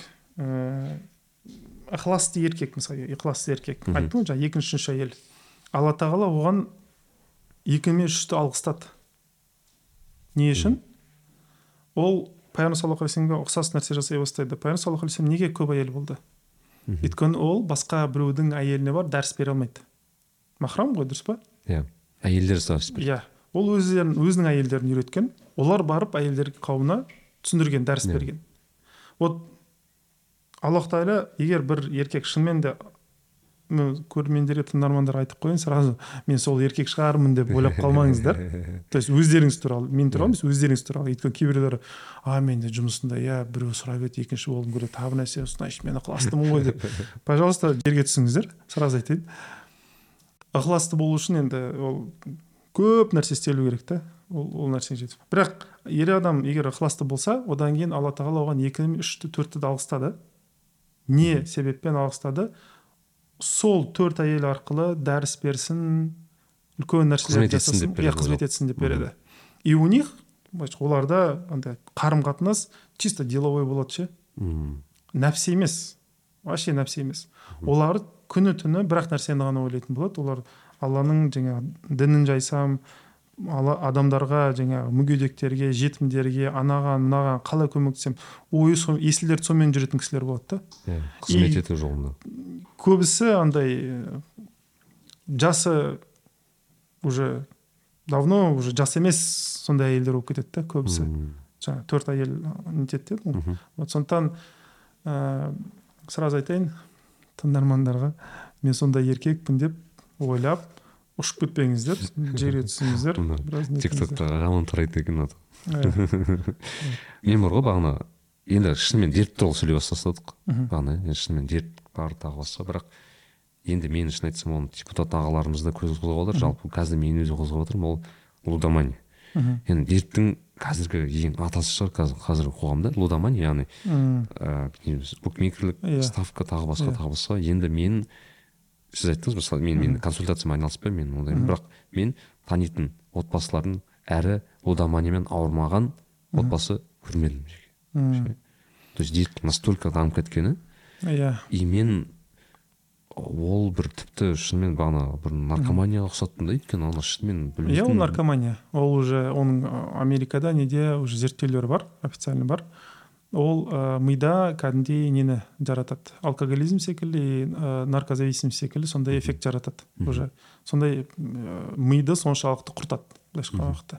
Бір ол уже бекітілген нәрсе оны оны ғалымдар біледі деген сияқты. Бір. Бірақ әм, оларда да бізде де әлі заңды түрде ол нәрсе ә, запрет қойылмаған. Даже былай айтайын одан да лучше зерттеулер бар. Фейсбук секілді әртүрлі жаңағы соцсеттер бар ғой жаңағы иә? Әлеуметтік желі әлеуметтік желілер олардың да дефекті сондай бар екен. Ну привязанность иә привязанность дейді ғой. Ол да бар. Плюс еще андай зерттеулер жасаған ә, фейсбук мысалы 2007 пример жыл- жылдар шы- шыға бастады ғой. Иә. Сол жылдардан ана не бар екен ә, школьный психологияда ана жаңағы кішкентай балалардың психологиясын зерттеген ғой. Екі мың жетінші жылға шейінгі туған балалардың психикасы мен екі мың жетіден кейінгі туған балалардың психикасы басқаша екен. Мм. бұл не деген сөз? екі мың жетіден кейінгі туған балалардың көбісінің миларында зақым болады екен. Мм. неліктен жаңа зависимостьтен болады екен да? Бір. Екіншісі ә, неге мен мысалы өз басым ондай адамдарды консультация жасамаймын? Өйткені ондайды консультация жасау бір жағынан бесполезно. Неліктен бұл зависимость қой. Зависимость триггерлармен жұмыс істейтін нәрсе. Мысалы мен допустим мен лудоманиямен нететін ауыратын бір ер адаммын да допустим. Келе жатырмын көшеде. Соған триггер болатын бір нәрсені көріп қалдым. Реклама болсын сөз естіп қалдым дыбыс естіп қалдым тағы бір нәрсе. Барып қайтадан ставка жасап қоямын. Сондықтан зависимость бар адамдарды емдейді клинический ол жерде тек клинический ғана бар иә сонда? клиника секілді бір жерге жату керек оны қамау керек иә. содан кейін жаңағы емдеу керек. А просто консультациямен барып ол сол кезде бір эффект болуы мүмкін бір екі күндік иә. бір апталық максимум. Ол барады шайылып кетеді.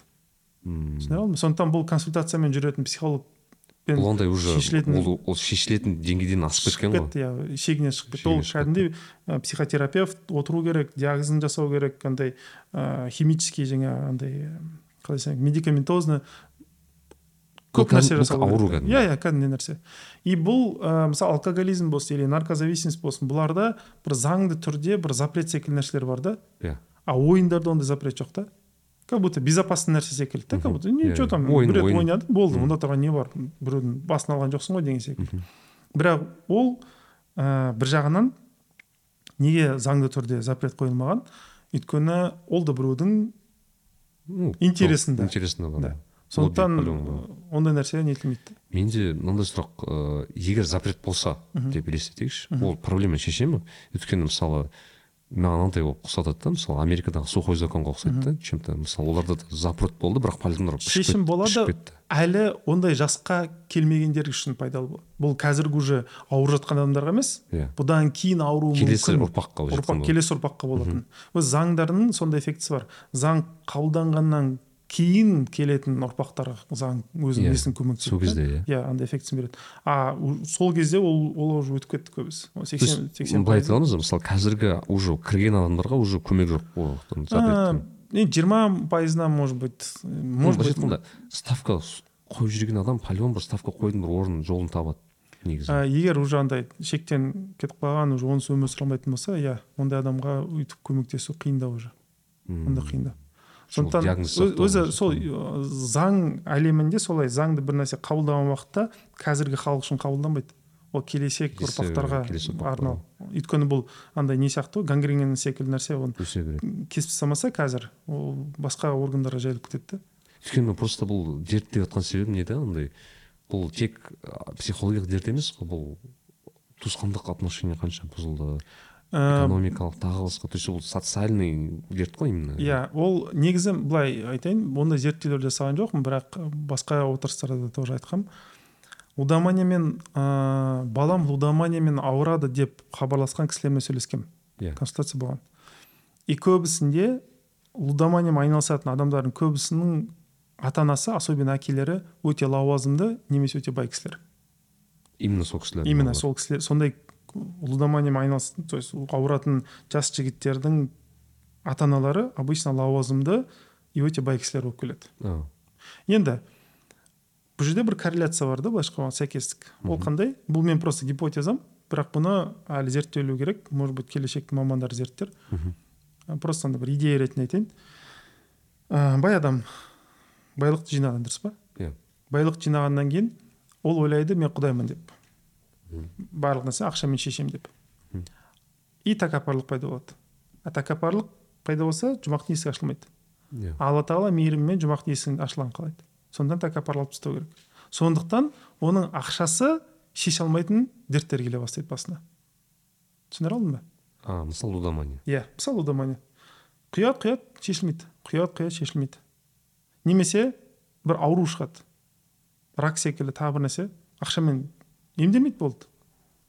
То есть айтқым келіп тұрған нәрсе мынау алла тағала тек қана адамның мына өмірін ғана ойламайды ғой.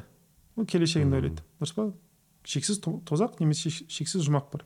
Сондықтан система жүйе былай құрылған. Мына өмірде максимально адамды тазарту керек о дүниеге барған уақытта есебі жеңіл болсын деп. Иә. Сондықтан егер адам пұт ретінде өзінің жаңа ақшасын пұт санап қалса лауазымды особенно жаңағы бай адамдар. Онда алла тағала сол пұтты құртады қалай құртады? Сол пұттың шеше алмайтын бір проблемалар проблема береді да и лудомания көбісі оның былайша айтқанда несі? Билігі жүрмейтін заттар жүрмейді жүрмейді. И неге именно баласынан келеді? Өйткені басқаша ойланбайды да ол. Түсіндіре алдым ба ең жақыннан ұрады иә. өйткені ол ақша не үшін жинады? Балам үшін анау үшін мынау үшін деп жинады ғой. иә сондаймен сондай установкамен жинады. Иә үлкен лауазымға жетті бүйтті сөйтті. Именно ең көп қалаған не нәрсесі қалады? Баласының жағдайы именно сол жерден ұрады да. Өйткені ана несі? Тәкаппарлығын соншалықты қалың болып кеткен тәкаппарлығын әр жағынан алла тағала бір нәрсе десе естімейді да ол уже. Сондықтан ең жанды жерден нетеді да. Түсіндіре алдым ба бұл ә, шымшиды да былайша айтқанда тағдыр адамды. Иә. сондықтан ә, андай гипотезам лудоманияның жайылуының себептерінің бірі адамдар ақшаға табынып кеткендіктен. Ол да бір Иә. бич бич общество дей ма иә сол да бар и содан басталған бұл капитализмнің бір несі андай уродливый сторона дейді ғой былайша айтқанда тосқынсыз жағы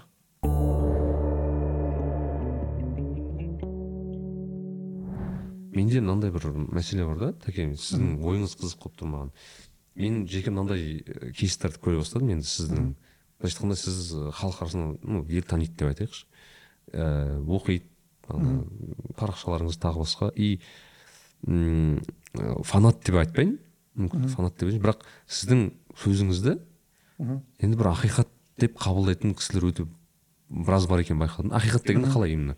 Типа сенеді. сенеді. Бірақ тым қатты тәке айтты енді шегі де бар ғой сенудің. Бірақ қатты сенетін жігіттерді көрдім да жігіттер қыздар жалпы ондай не жоқ. Көре бастадым да и мен и өзім басында сенбедім. Басында осы келгелі бері былай жеке көре бастадым ол адамдарды. И мен шынымен таң қалдым да неге олай деп.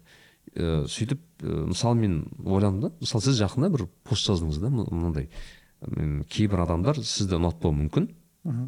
Ә, бірақ сен ол адамды іштей ұна- ұнағың келеді. Проблема ә, андай өзіңнен іздемей андай адамнан сырт айналу деген сияқты ну, айналған дұрыс. Өйткені алла тағала мүмкін сол адамнан сені қорғап жатыр. қорғап жатыр деген сияқты. Мен ойланып қарадым да мысалы ә, бір адамдар осы мысалы текст сіз саған мағынаны көрмеуі де мүмкін ғой. Солай ойлайды. Жұмысқа барады. Мхм. бастық айтып айтып тастады. Мхм. ол ұнағысы келеді бастығына тартып все мен сырттан айттым таки айттым сырт айналу керек екен. Мхм. кеттім дейді да мысалы айттым Иә. енді буквально түсіну мүмкін. Немесе бұрмалауы мүмкін деген сияқты. Мхм. И вот не істеу керек сондай адам. Ну мысалы мен өйткені байқадым да ол, ол как бы ол да бір шек шегі бар зат қой. Мысалы сен ладно айтасың ол адамның ойы қанша Иә. дегенмен мынандай нәрсе басында мысалы айтатын там табиғат ұстаз деген сондай сөздер болатын. Мен айтатынмын мен ұстаз емеспін деймін. Иә. Мен ұстаз емеспін конкретно. Бірақ ә, бір уақыт келді түсіндім что адамдар тоқтату да мүмкін емес. Айта Иә. береді. Бір. Екіншісі ә, құранда да андай оған жауап бар да құранның. Құранда айтылған бұл кітап ә, мұттақиндарға тура жол көрсетеді дейді. Иә бұл аяттың мағынасы не? Бақара сүресінің ба- басындағы аяттар бұл кітап түсінгің келсе тақуа болуың керексің дейді. Тақуа болмасаң түсінбейсің дейді. Иә. То есть құранның фильтрі сондай. Тақуалық. Иә тақуалық дейді болды. Мгм. и құранды да бұрмалаған адамдар бар да адамзат Иә. тарихында. Өте көп қой мысалы. Имам ғазали кезінде өте үлкен ғалым адам болған 92 сектаны жапқан да. Өмірінде. жалғыз- өзі. Иә. То есть ол имам ғазали кезінде ол таза ғасырлар бізге қарағанда енді әлдеқайда таза ғасырлар ғой былайша айтқанда бірақ 92 секта болған да. Білмеймін бізде ондай сан бола ма болмай ма? Бірақ соның өзінде де. И өте көп құранды бұрмалап хадистерді бұрмалайтындар. Жаңағы көп әйел алғысы келсе мысалы иә мысалы айтады там «Ой, там сунна ғой бір нәрсе ғой бір нәрсе Иә. ғой. Суннаға шынымен де қарайтын болсаң онда алпыс жастағы әйелдерді ал мысалы. Иә. Бірақ ол жағын неткісі келмейді да жаста біреуін алайық. Айша жас болды ғой деген Иә. сияқты сөйте бастайды да мысалы бұрмалап. Сондықтан ә, адамдар бәрі бұрма- бұрмалайды екен. Иә. И бұнымен бір төбелесу ә, қиын екен. Мхм. егер алла тағала салса жүрегіне салды салмаса уже невозможно да? Уже бір. Екіншісі ә, критический мышление жоқ адамдарда. Мгм. бұл жалпы қазақ халқының бір жалпы індеті. Критический мышление жоқ бізде. Бізде альтернативалар салыстыру деген нәрсе жоқ та. И ә, бүйтіп отырып дебат секілді бүйтіп талқылайтын нәрсе де жоқ. Мен бірінші ютубта видеоларды салған уақытта сол кезде ниетімді айтқанмын қалар едім осындай бір домалақ бір үстел болып иә сол кезде имам да отырады психолог та отырады социолог та отырады. Там керек болса жаңағы заңгерлер де әртүрлі отырады и бір бірлерімен бір нәрсені талқылайды. Сондай бір площадкалар болса ғой деп армандайтын едім да мысалы. Әлі армандап келе жатырмын ондай площадкалар жоқ та. Болса жақсы болар еді мысалы. И сол кезде шынымен де ақиқат ортаға шығады да. Бірақ бізде ондай жоқ. И қазақ халқының критический мышлениясы бұл ең осал тараптары десе де болады. Мысалы мынандай нәрсе айтайын. Неге аборттар көп қазір. Иә. Өйткені алданған қыздар да көп та. А неге алданған қыздар көп. Өйткені критический мышление жоқ. А неге критический мышление жоқ ата анасында да болмаған ол нәрсе. Түсіндіре алдым яғни ол проблема ол критический мысалы салдары ғой ол былайша айтқанда. Иә. Себеп иә. себебі именно критический ойлана алмау иә ойлана алмайды ойлана алмайды салыстыра алмайды. И ол тек қана дінде ғана емес ол бүкіл салаларда бар нәрсе. Критический мышление. Жоқ адам любой нәрсені бұрмалайды. Или любой нәрсеге тым ғашық болып қалады. Или любой нәрсеге шаблонно қарайды деген сияқты. И ол тек қана менің посттарым ғана емес жалпы өмірі сондай болады да ондай Иә, адам. Иә. ол просто бүйтіп жүреді да болды. И оны да көруге болады андай ыыы, қалай десем екен. Мен ең көп айтатын нәрсем ең көп қорқатын нәрселердің бірі ыыы, тоже бір нелер отырыстарда посттарда да айтқанмын ыыы адамның ақылы қатады екен оказывается. Закостенелое мышление деген нәрсе бар андай. Ақыл оказывается бір уақыт өткеннен кейін шаблондар көбейіп кетсе ішінде ол уже альтернативаны қабылдамайды екен. Иә. Көре алмайды или игнор жасайды екен. Сол нәрсе бар да.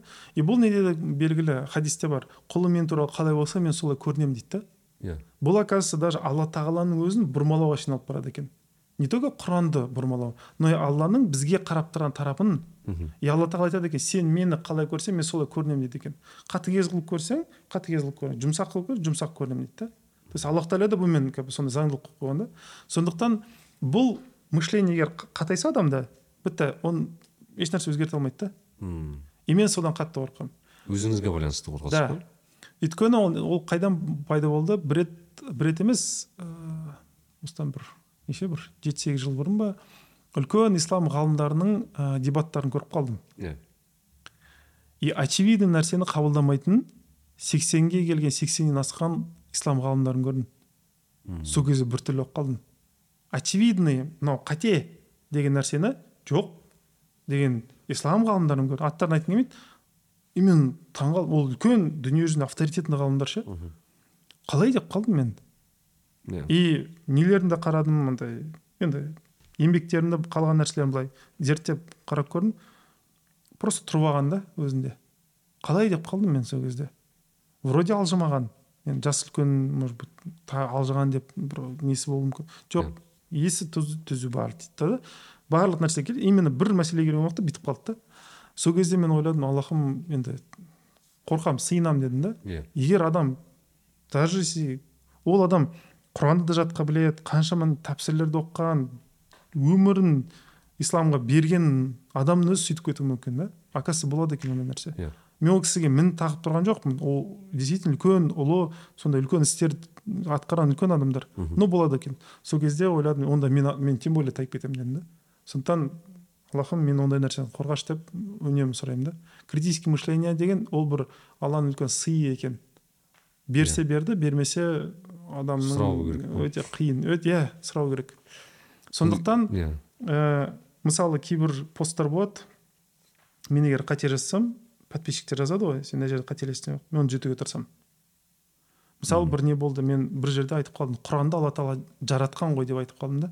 Мм. махлюк несіне жазып қойдым да. Иә. кейін маған бір ә, теолог жігіт айтты ол жаратылмаған деді аллахтың кәләмі деді да. Кәләм сыфатынан келетін нәрсе. И ол жаратылған деп а, жаратылмаған деп ә, нету үшін имам ахмад бен хамбал өмір бойы муатазилиттермен кажется не Иә. істеген? қиналып қиналып ең сонда осының несін күресін беріп өліп кеткен кісі дейді да. И содан кейін мен бас тарттым. То есть егер мені поправка жасайтын болса мен бас тартамын. Тұрып аламын деген нәрсе жоқ. Но ол поправка андай болу керек. Рационально дәлелмен дұрыс. И главное әдеп шеңберінен шықпай е деп бүйтіп сөйлеймін Иә. ғой нормально деген сияқты. Но енді мен білмеймін енді ол кісілермен ыыы критический мышление жоқ адамдарға бір нәрсені түсіндіру қиын. Бірақ мынандай бір үмітім бар. Ыыы алла тағала мейірімді ғой. Мейірімді болғандықтан сондай критический мышлениясы болмаса да иншаллах ол адамдарды может быть тайдырмайтын шығар деген сондай ойым бар.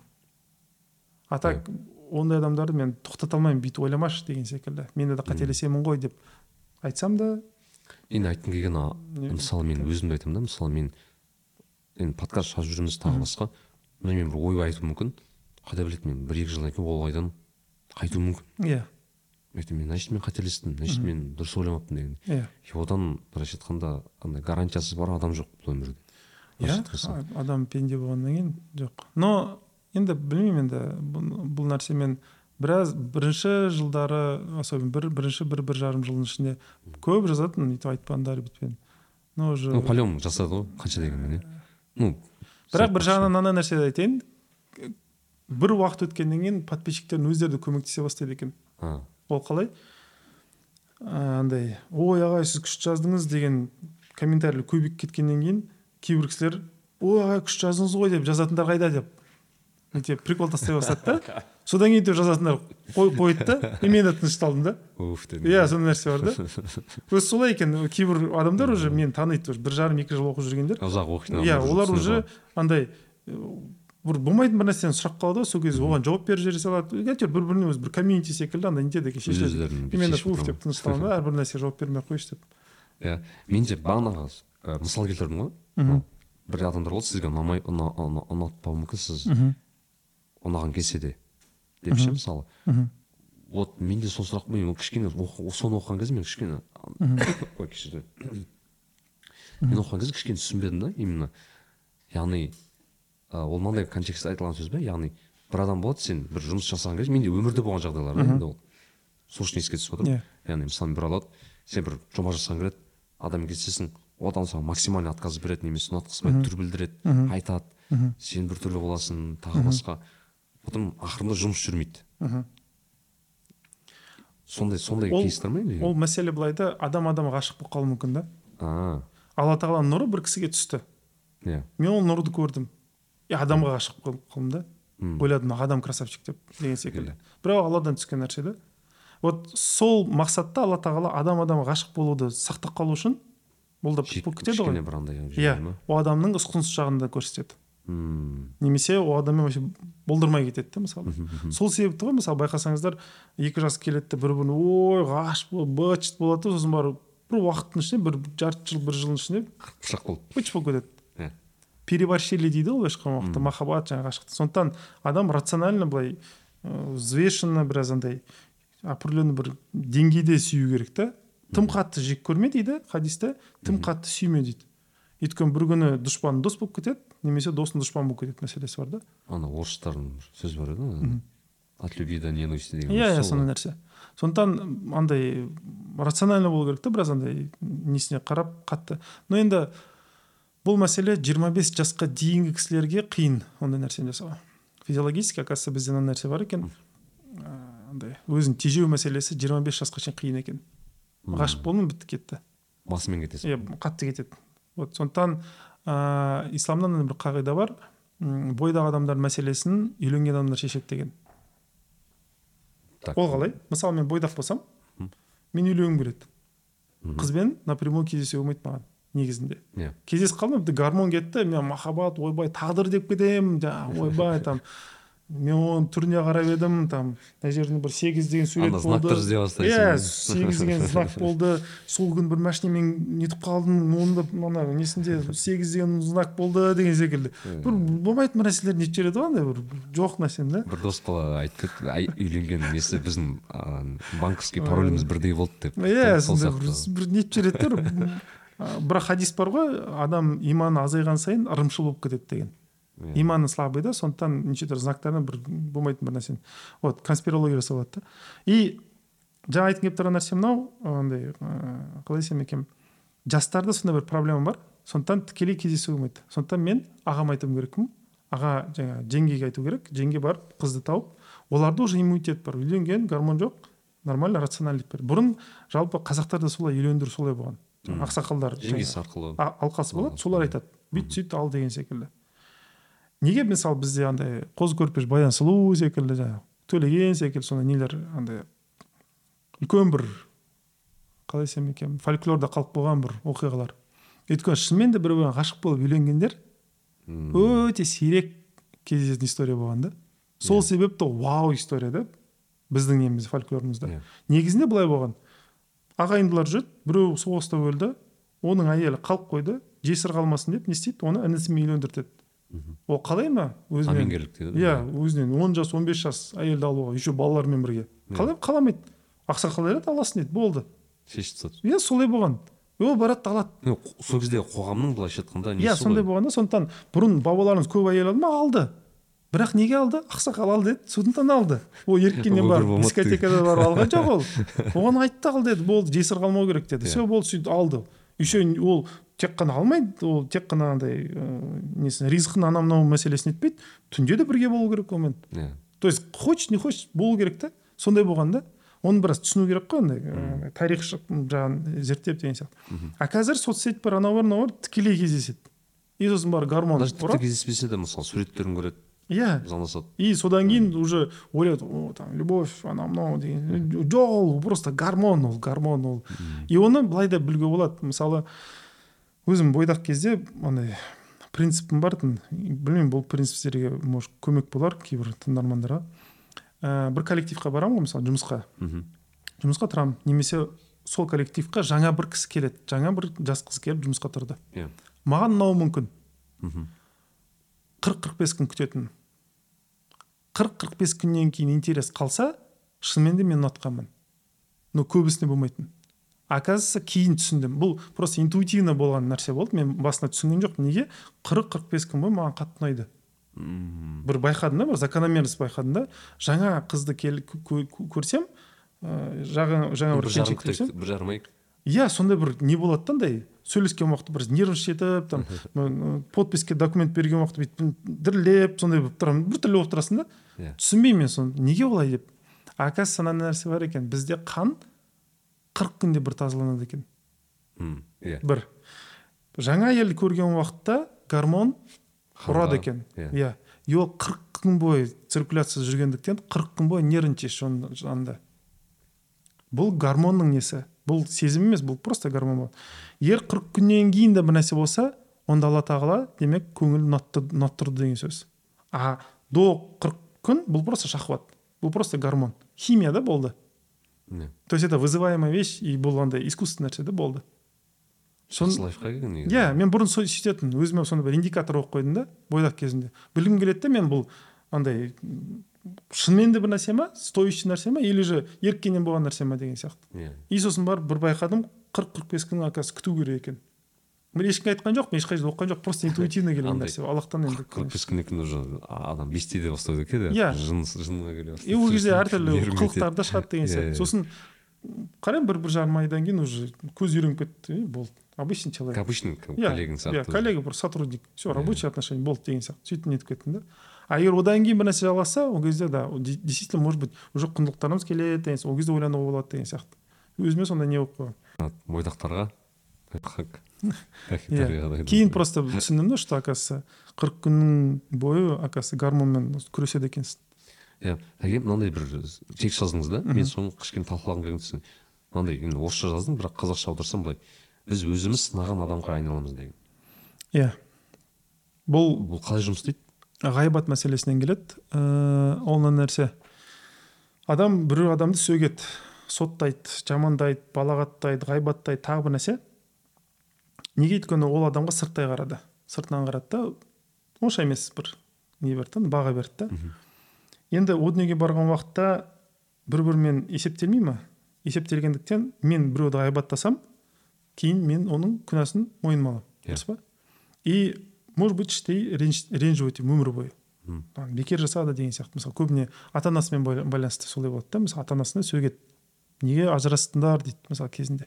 Сөкті и олай болмас үшін алла тағала не істейді? Тура сол адамның жағдайын мына адамның басына алып келеді да. Басына береді. Иә. Неге басынан береді? Өйткені жағдайдың ішінде тұрып өзі сол жағдаймен шеше алмайтынын түсінеді да. То есть мен мысалы ата анам ажырасып кетсе иә. Мен де ажырасу тұғырына келген уақытта оказывается қанша жерден қаламасам да қаламасам да кезінде қатты өліп сүйген әйелімнен қазір өзім басым алып қашқым келіп тұр. Иә. бұл не деген сөз? А сол кезде адам ойлана бастайды ата анамды не үшін соттадым? Өзімді де қолымнан дым келмейді екен. Иә. Дейді да сол кезде жібереді. То есть бұл сондай механизм бұл алланың мейірімінен келген нәрсе. Егер адам бір адамды сөгетін болса ғайбат ғайбаттайтын болса сол оқиғадан өзі өту керек. Сол кезде ол адам не ба? иә ол адам не сезінгенін түсіну керек. Ана индейцтардың бір несі бар? Американ индейцтер бар ғой солардың ә, бір мақалы бар да. Бір адамға туралы бір нәрсе айтар алдында дейді соның аяқ киімімен үш ай жүріп көр деген. Иә иә естігемін нәрсе бар да. Иә. тура сол нәрсе да ол. Тура сол механизм. Сондықтан біреу біреуді соттайтын болса сөгетін болса сол адамға ауыса бастайды. Сондай нәрсесі бар да. Бірақ одан сабақ аламын алмаймын аллаху алем енді. Көбісі ала қоймайды тура сол. Еще былай ойлайды ата анам ажырасқан конечно мен де ажырасамын деген одан сайын нетіп кетеді да. Иә. бірақ ол олай емес. Кімді не үшін сөктің өзіне сол мәселені шеше алмайды екеніне көзін мысалы ол былай болуы мүмкін ата анам ажырасты деп сөкті мхм. и оған соны берді деген. Иә иә содан болды. Менде өйткені енді мен ол кісі қазақ емес бірақ мен бір әріптесім болды да. Оларда енді поколенческий проблема ғой. Атасы ажырасқан. Мхм. Әкесі ажырасқан. Ол реніш иә. Өзі ажырасқан. Иә. и скорее всего өзі айтады да балам скорее всего тоже ажырасты дейді. Жоқ ол өзі ол айтып емес тұр ол емес. Сол айтады да маған. Ол предсказание жасай алмайды. Иә. ол просто атасының несіне ренжіген әкесі әкесінің несіне өзі ренжіген ол реніш бүйтіп андай мирас ретінде келе жатыр да. Иә. сондықтан қазақта сол үшін андай мақал бар ажырасқанның баласын алма деген сондай не бар да. Ол не из-за того что ол жаман адам. Ол из-за того что егер ол балада реніш болса ата анасына деген скорее всего ажырасу басына келеді. проработка жасап Иә. ана өзін жаппаса деген ал егер ренжімесе жоқ басына келмейді. То есть одан аман болады алла разы. Түсіндіре алдым. Енді қазір ажыраушылар бағана айтып едіңіз басында. Ажыраушылар шынымен көп қой. Иә. Былайша айтқанда яғни әкесіз өскен балалардың саны да көп негізі былай Иә. қарасаң. Статистика бізде енді білмеймін қаншалық не екен но ә, американың статистикасын алатын болсақ именно жаңағы андай қылмыскер немесе суицид немесе ажырасу секілді нәрселер жетпіс бес сексен пайыз ә, жалғыз отбасты сондай семьялардан шығады да. То есть тек қана бір ата анасы бар сондай отбасыдан шығады да. Иә. сондықтан мен ойлаймын енді біздің статистикамызда ар жақ бер жағы шығар скорее всего. Сондықтан кетпеген шығармыз. иә. Сондықтан ә, қазіргі ажырасқан ажырасып жатқан әйелдердің әлі көрері жиырма жылдан кейін болады да. Он бес жиырма жылдан кейін. Өйткені балалардың басына келеді. И сол кезде қазір мысалы жастық шақпен я права деп мысалы шықты ғой. жиырма жасын жиырма жылдан кейін сосын баласы да келіп тұрса алла сақтасын иә. Я права деп сол кезде айта алмай қалады да ты не права деп. Өйткені өзі де кезінде сөйтіп тыңдамай кетіп қалған да. И баласы да тыңдамай тұрады. Андай сөз бар еді ғой өкінішке орай в наше время такого не было деп. Айта алмай қалады ғой ол кезде Иә, сондай нәрсе айта алмайды сондай жаман е мен предсказатель емеспін но айтып келіп тұрған нәрсе закономерность деген нәрсе бар Иә. заңдылық. Сондықтан адам м былай ғой енді өзі бір нәрседе өзін тоқтата алмаса тежей алмаса басқа біреуге қалай теже деп айтады ол қиын да ол. Иә. Сондықтан адам өзін бірінші тоқтатуды үйрену керек содан кейін ғана басқа қалай тоқтатуға? болады осы практикалық неде мысалы біз болады бір сен е ана бір иіс нағың келіп тұрады да. Бір бар ма бір механизм өзін ол адамдар адамдар бір біріне қараған уақыт ол енді как всегда пайғамбар саллаллаху алейхи вассаламнан алуымыз керекпіз үлгіні? Пайғамбар саллаллаху алейхи вассалам миғраж деген оқиға болды мысалы жеті қабатқа шықты. түсті ғой. Вот түсу мәселесіне парыз емес екен. Түсу. Парыз емес. А қал- қалса да мүмкін қайсы қалса да болады. Тем более пайғамбар саллаллаху алейхи вассаламның дұғасы бар. Әрбір пайғамбарға ешқашан қайтарылмайтын бір иә, дұға берген. ол сол жерге барғаннан кейін енді былай ойлайық ол кезде қадиша анамыз қайтыс болды. Дұрыс па хазірет радиаллаху анху содан кейін мұңға кірді. Дұрыс па? Дядясы қайтыс болды жаңағы ағасы қайтыс болды абу талиб мұңға кірді имансыз кеткендіктен. И сол жыл сегізінші жыл пайғамбарлық жылы мұң жылы деп аталады. Күзін дейді. И сол мұңды басу мүмкін болмай кеткен да. Сахабалар жүгіріп кетті басқалар жүгіріп кетті жаңағы қиналып кетті. Сол кезде алла тағала өзімен басты да ол мұңды миғражға көтеріп алды да өзінің нұрымен құшақтады пайғамбар саллаллаху алейхи вассаламды и содан кейін пайғамбар саллаллаху басылды. И сол кезде мысалы жұмақты да тозақты да көрсетті пайғамбар саллаллаху былай да сұраса да болады ғой. Я раббым аллахым қадишам екеумізді жұмақта қалдыршы деп. Иә. Мен мысалы сұрар едім. Енді мен айтқым келіп тұрған нәрсе любой еркек логически Да. қараса сен мысалы өзің жақсы көрген әйелмен иә. Ыыы қалғың келеді ғой енді? келеді, иә. тем более жұмақта. Енді ол инклюзив қой былайша айтқан уақытта барлығы бар. Қалды мысалы любой адам айтар еді да мысалы. Но пайғамбар саллаллаху алейхи түсті. Түсуінің себебі неге болды? Шапағат рухы. То есть өзінің үмметін аяды. Олардың да жұмаққа келген қалады. Хадистер бар ғой пайғамбар жұмаққа кіргеннен кейін тыныштық таппайды екен. Сосын жаңағы сұрайды да не болды деп. пайғамбар саллаллаху алейхи менің белгілі бір үмметімнің белгілі бір бөлігі тозақта әлі дейді да. Иә. Соларды ойлап мен тыныштық. тыныштық жұмақ ол жұмақта қалаған қаламаған неше түрлі ләззаттар соның өзі тоқтатпайды екен. Үмметін ойлап. И аллах тағала рұқсат береді екен барады да тозаққа барып бір бөлігін алып келеді екен. Әлі тынышталмайды тағы барады и сөйтіп қайталана береді да белгілі уақытта тынышталмайды бірақ алла тағала бар десе уже тартынады екен. Неге десе қайта қайта сұрай беруден енді ұяламын дейді да. Бірақ до сих пор әлі сол уақытқа шейін тынышталмайды екен да. Сондай ұятынан ғана тоқтаған да сөйтіп алланың алдында иә. Енді айтқым келіп тұрған нәрсе мынау. Пайғамбар саллаллаху алейхи вассаламге егер үмметі болсақ ұқсауға тырысуымыз керекпіз. Иә. Пайғамбар саллаллаху неге түсті? Өзінен бұрын үмметін ойлады аяды. Сол секілді адамдарға қараған уақытта аянышпен қарауды үйренуіміз керекпіз да. Андай аяныш емес е сорлы бейшара деген ана мұқататын ондай аяныш емес. Адамдарға қараған уақытта андай духовный инвалид дейді ғой былайша айтқанда. Рухани бір мүгедек секілді қарау керек та мен мысалы жанымда мүгедек болса екі аяғы жоқ. А мен екі аяғым бар. Кеттік жарысайық десем ол жарыса алмаса. Мен оған ренжімеймін ғой неге менімен жарыспадың деп. Өйткені екі аяғы жоқ екенін көріп тұрмын. Мен наоборот аяймын оны. Сол секілді қарау керек та егер мысалы біреулер ажырасқан болса ә, бір жаман қылығын тастай алмай жатса мен оған аяп қарауым керекпін да. Андай действительно мұқатып емес ол кәдімгі шынымен иә аяныш сезіммен аяныш сезім болу керек та мейіріммен қарауым керекпін. И ол маған мысалы мен бұны айтқан бір жерде жақсы ма дұрыс па дұрыс емес пе білмеймін. Личкаға неше адамдар жазады. Мен бұны бір героизм соны айтып тұрған жоқ просто бір мысал ретінде айтқым келеді. Личкаға маған боғауыз сөзбен неше түрлі жазатын адамдар да бар. Иә. Кәдімгі конкретно жамандайды. Сен қуғансың сен андайсың мындайсың деген сияқты. Мен бұны ол үшін айтқым келіп тұрған просто айтқым келіп тұрған нәрсе. Оказывается егер аяп қарасаң ол саған боқтаған сайын аяйды екенсің. Ашуланбайсың да. Аллах тағала иә аллах тағаладан бұл алладан берілген нәрсе ол менікі емес астафыралла алладан сондай нәрсе беріледі екен ә, жүрегіңе сондай нәрсе қояды екен. Саған хейтерлар жаңа жазған сайын неткен сайын сен спокойно қабылдайсың да. Демек бұл не деген сөз? Бұл алла тағаланың маған мейірімі. Өйткені жүрегі жыртылып кетуі мүмкін. Да қаншама адам жамандап жатса бір маған мейірімі. Келешекте егер мен бір посттар жазып ол посттар адамдардың жаңағы иманға келуіне ә, септігі болатын болса сол адамдардың құрметіне алла тағала мені де қорғайды екен. Мм. сондай бір эффект бар екен да. Иә. Түсіндіре алдым ба? И алла тағала баршамызға мейірімді да Мгм. жамандаса да спокойно. Жамандаса да спокойно. Сөйтіп үйретеді да и хейтерлар негізінде неге жазады? Өйткені демек мен пенде ретінде бір жерде бір нәрсе иеленіп алдым. Мысалы бір пост жаздым іштен мынандай бір өтіп кетті. А қалай күшті жаздым? Ол тәкаппарлық қой. Иә. Адам егер алла ризалығын жазған болсаң сен мақтанбауың керек сондай нәрсемен. Сондықтан хейтті сол үшін шығарады алла тағала. Өз өзіңе кел деген секілді. Неге? Өйткені хейтер маған бір нәрсе жазса мен сол пост жазғаныма өкініп қаламын наоборот. Мен Иә. күшті жаздым демеймін өкініп қаламын сөйтіп тәкаппарлықтан тазарамын да. Түсіндіре алдым ба? Сондықтан сондай тонкий механизмдер бар. Сондықтан егер бір адам алдыңызға келсе хейт жасаса тағы бір нәрсе нетсе мысалы дөрекі бір нәрсе жасайтын болса ол адамды аяу керек. Единственный бірақ бір нәрсе бар критерий бар. Мысалы ол телеграм каналда көбіне бізде андай обсуждение болып жатқан уақытта егер адамдар бір бірін жамандап кетсе болады кейбір подписчиктер кәдімгідей өте дөрекі там иә бір бірін балағаттап кетеді да ондай адамдар мен блок жасаймын.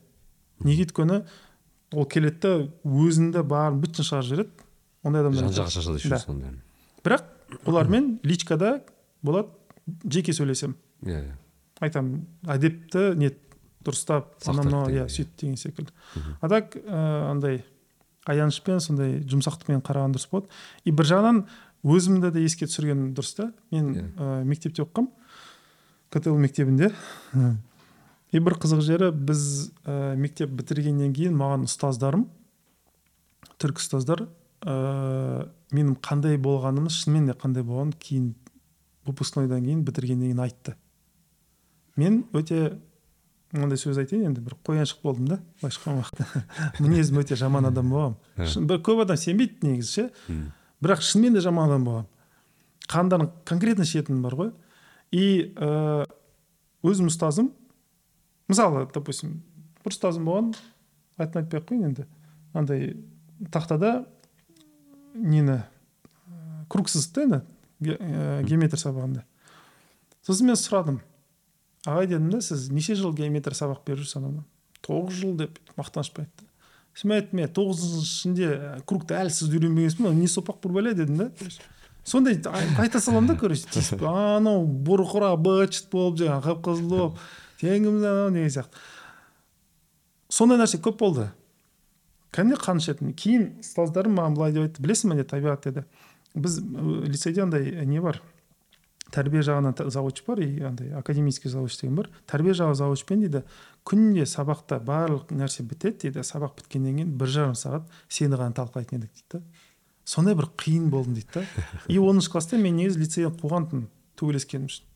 Ана компьютерный класста төбелесіп компьютер құлатып быт шыт болғанбыз сол кезде. Айтпай ақ қояйын сондай нелер болған да? И мен ойлаймын да аллах аллах тағала мен секілді адамды тем более өте кекшіл едім қатты ренжіп қаламын и андай не қырсық қатты қырсық.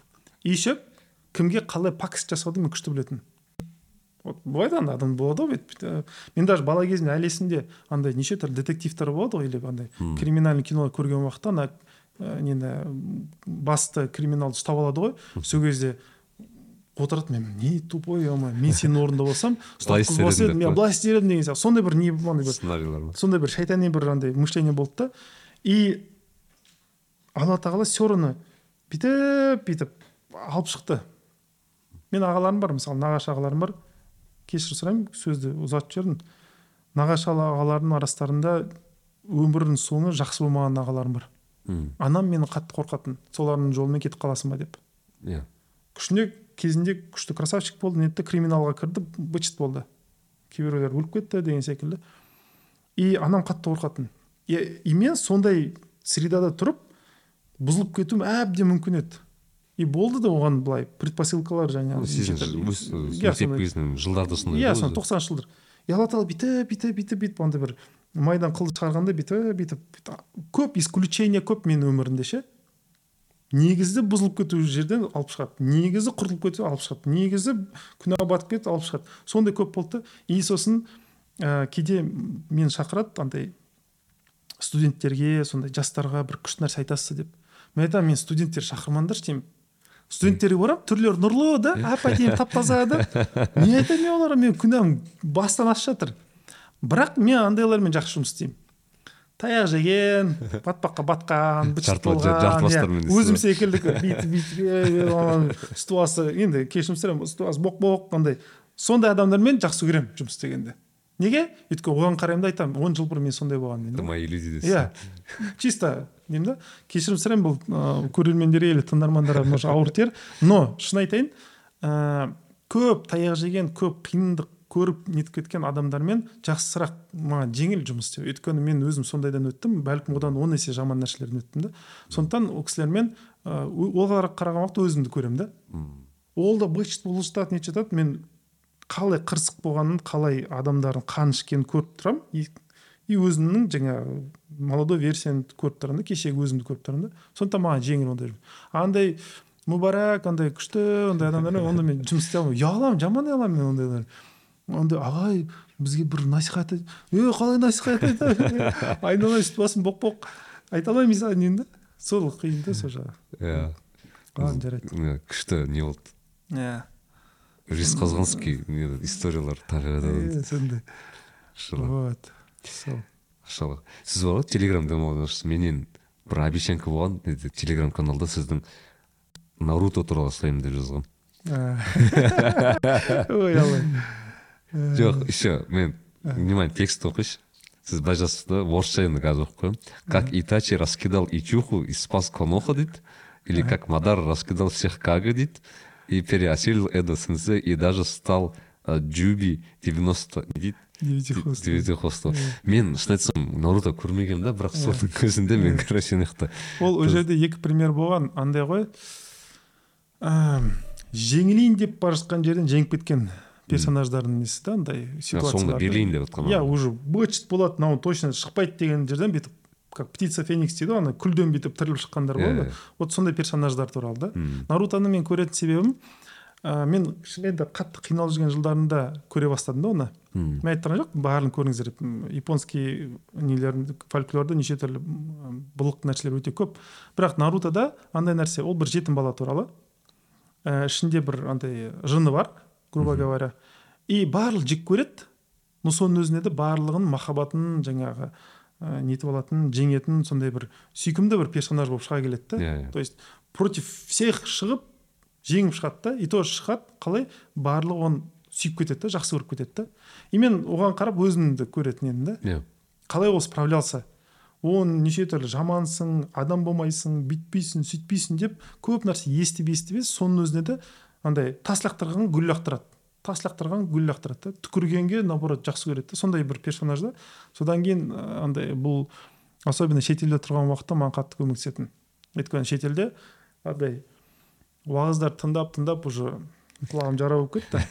Уже уағыз не действует болып кетті да. Өтпей ма? Өтпейді да. И шетелдік өмір о и сол кезде нарутоны қарап жүретінмін и сосын ойлайтынмын иә көмектесті маған шын айтайын өтірік емес бұл- көмектесті. білесің ба неге маған қызық өйткені енді ыыы біраз адам мысалы екеуміз мысалы ермұрат мысалы отыр мына жерде мысалы екеуміз бір зат көруіміз мүмкін. Мхм.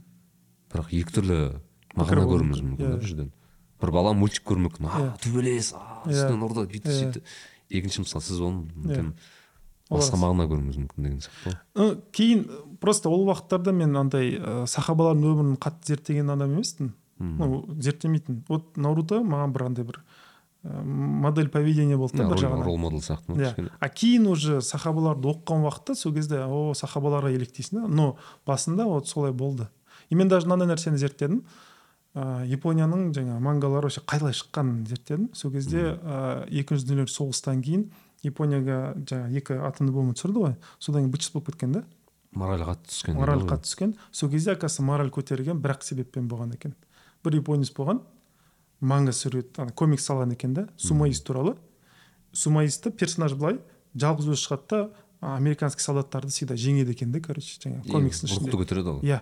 И сол комиксті оқи оқи оқи халыққа қатты әсер еткен да хотя бір простой бір адам жасаған нәрсесі да вот сондықтан содан кейін жаңағы ә, американский ай не японский комикстер мангалар жаңағы мейнстрим болып кеткен японияда японияның өзінде. Даже премьер министрлардың ішінде оқиды да оларды. Иә. Ну то есть ол как бы уже часть культуры болып кеткен фольклор. Өкінішке орай енді мен ойлаймын қазақта да сондай шықса ғой мысалы жаңағы ер төстік секілді әртүрлі батырлар туралы әдемі салынған сондай нелер. Ну мысалы осындай бір персонаждар көбінесе әсер етеді ғой мен мысалы кішкентай Иә. кезімде мен наруто көрмедім бірақ мысалы мен анау ыыы сериалдар көресің андай бір ыыы не ана геракл сияқты Иә, несе сияқты ана ұрады төбелеседі сені Иә. бір. Немесе керісінше мысалы бір бригада көрдік. Иә. Иә иә мектептің кезінде по идее былай қарасаң мен оны бір ететінмін да. Иә. қазір болсын бір Иә, болмайтын нәрсе. неге көрдім деген сияқты енді жастық шақта сондай ғой өзі адам влюбчивый дейді ғой тез ғашық болып қалады да. Сондықтан дұрыс нәрсеге ғашық қылдыру керек та. Кішкентай кезде. иә бала кезінен бастап ондай. Білмеймін енді ондай специалисттер болса ғой шынымен де сондай зерттеп жаңағы біздің нені қайтадан жаңартатын жаңағы батырлардың эпостарды әдемі суреттермен шығарса соны насихат толы сондай бір диалогтармен не толтырса мен ойлаймын үлкен септігі болатын еді чем андай спайдермен бір нәрселер көреміз дегенше иә әрине. Ну, өйткені кез келген мысалы біз ол қанша дегенмен қазір біз батыстық идеологияның былайша айтқанда Мгм. контекстімен көреміз ғой оларды еще. Мысалы Иә. айтайық наруто ол все таки жапондық ә, идеологияның несі? Иә. Шаны. Шығын ол рас иә. Ә, мен короче бар ғой. Әр келген сайын сізден бір сұрақ сұрайды екенмін. Кітап қашан болады деген. Иә, әрқашан сұраймын кітабыңыз жазылып жатыр ма? Енді жазылып жатыр негізі да. Ә, әжептәуірде бар материал. Но андай ә, маған өзіме ұнамайды екен. Жазу ма? иә жазылған нәрсе ұнамайды. Қайтадан оны жазамын қайтадан ұнамайды сондай сондай бір нем бар короче. Ну сіз гострайтермен жазып бересіз ба типа айтып тұрасыз бір адам жазады деген иә енді сол басталды. Ыыы ассистент бар. Сол материал нетіп тұрамын ол өзі теріп тұрады деген секілді. Мм, сондай нәрсе бар да. Күшті. Машаллах а так ол еще бір емес. Алла жазса бірнеше кітап болады. Иншаллах серия болады да. Мм. Вот сондай а негізгі былай бағытты айта аласыз мысалы қандай бағыт? М, бағыт дегенде ол үш бөлікке бөлдік үш этапқа. Біріншісі жаңағы аурумен келетіндер кейін олар емдейтін этап кейін ә, жүруді үйрететін этап и үшіншісі рекорд қоятын этап деп сөйтіп үшке бөлеміз да. Мм, и жаңағы аурумен келетіндер деген олар андай. Таяқ жеген қиналған проблемасы бар быт болған сондай адамдарға арналған материалдар. Мм. Қалай адам қайтадан өзіне келу керек деген секілді ана. Көбейіп кетеді ғой проблемалар. Иә. Содан кейін жүру этапы ол уже өзіне келді енді м, қай жаққа барсам екен деп андай бағыт іздейтіндер. Қандай іспен айналыссам қалай қандай салаға нетсем деген сияқты. Вот сондайларға это как профориентация секілді деген сияқты сондай. А үшіншісі рекорд қоятындар деген ол уже андай ә, істі бастады нетті бір деңгейге келді бірақ бір потолок жырта алмайды ғой. Вот сондайларға арналған біраз материалдар. Вот осындай үш, үш этапта не.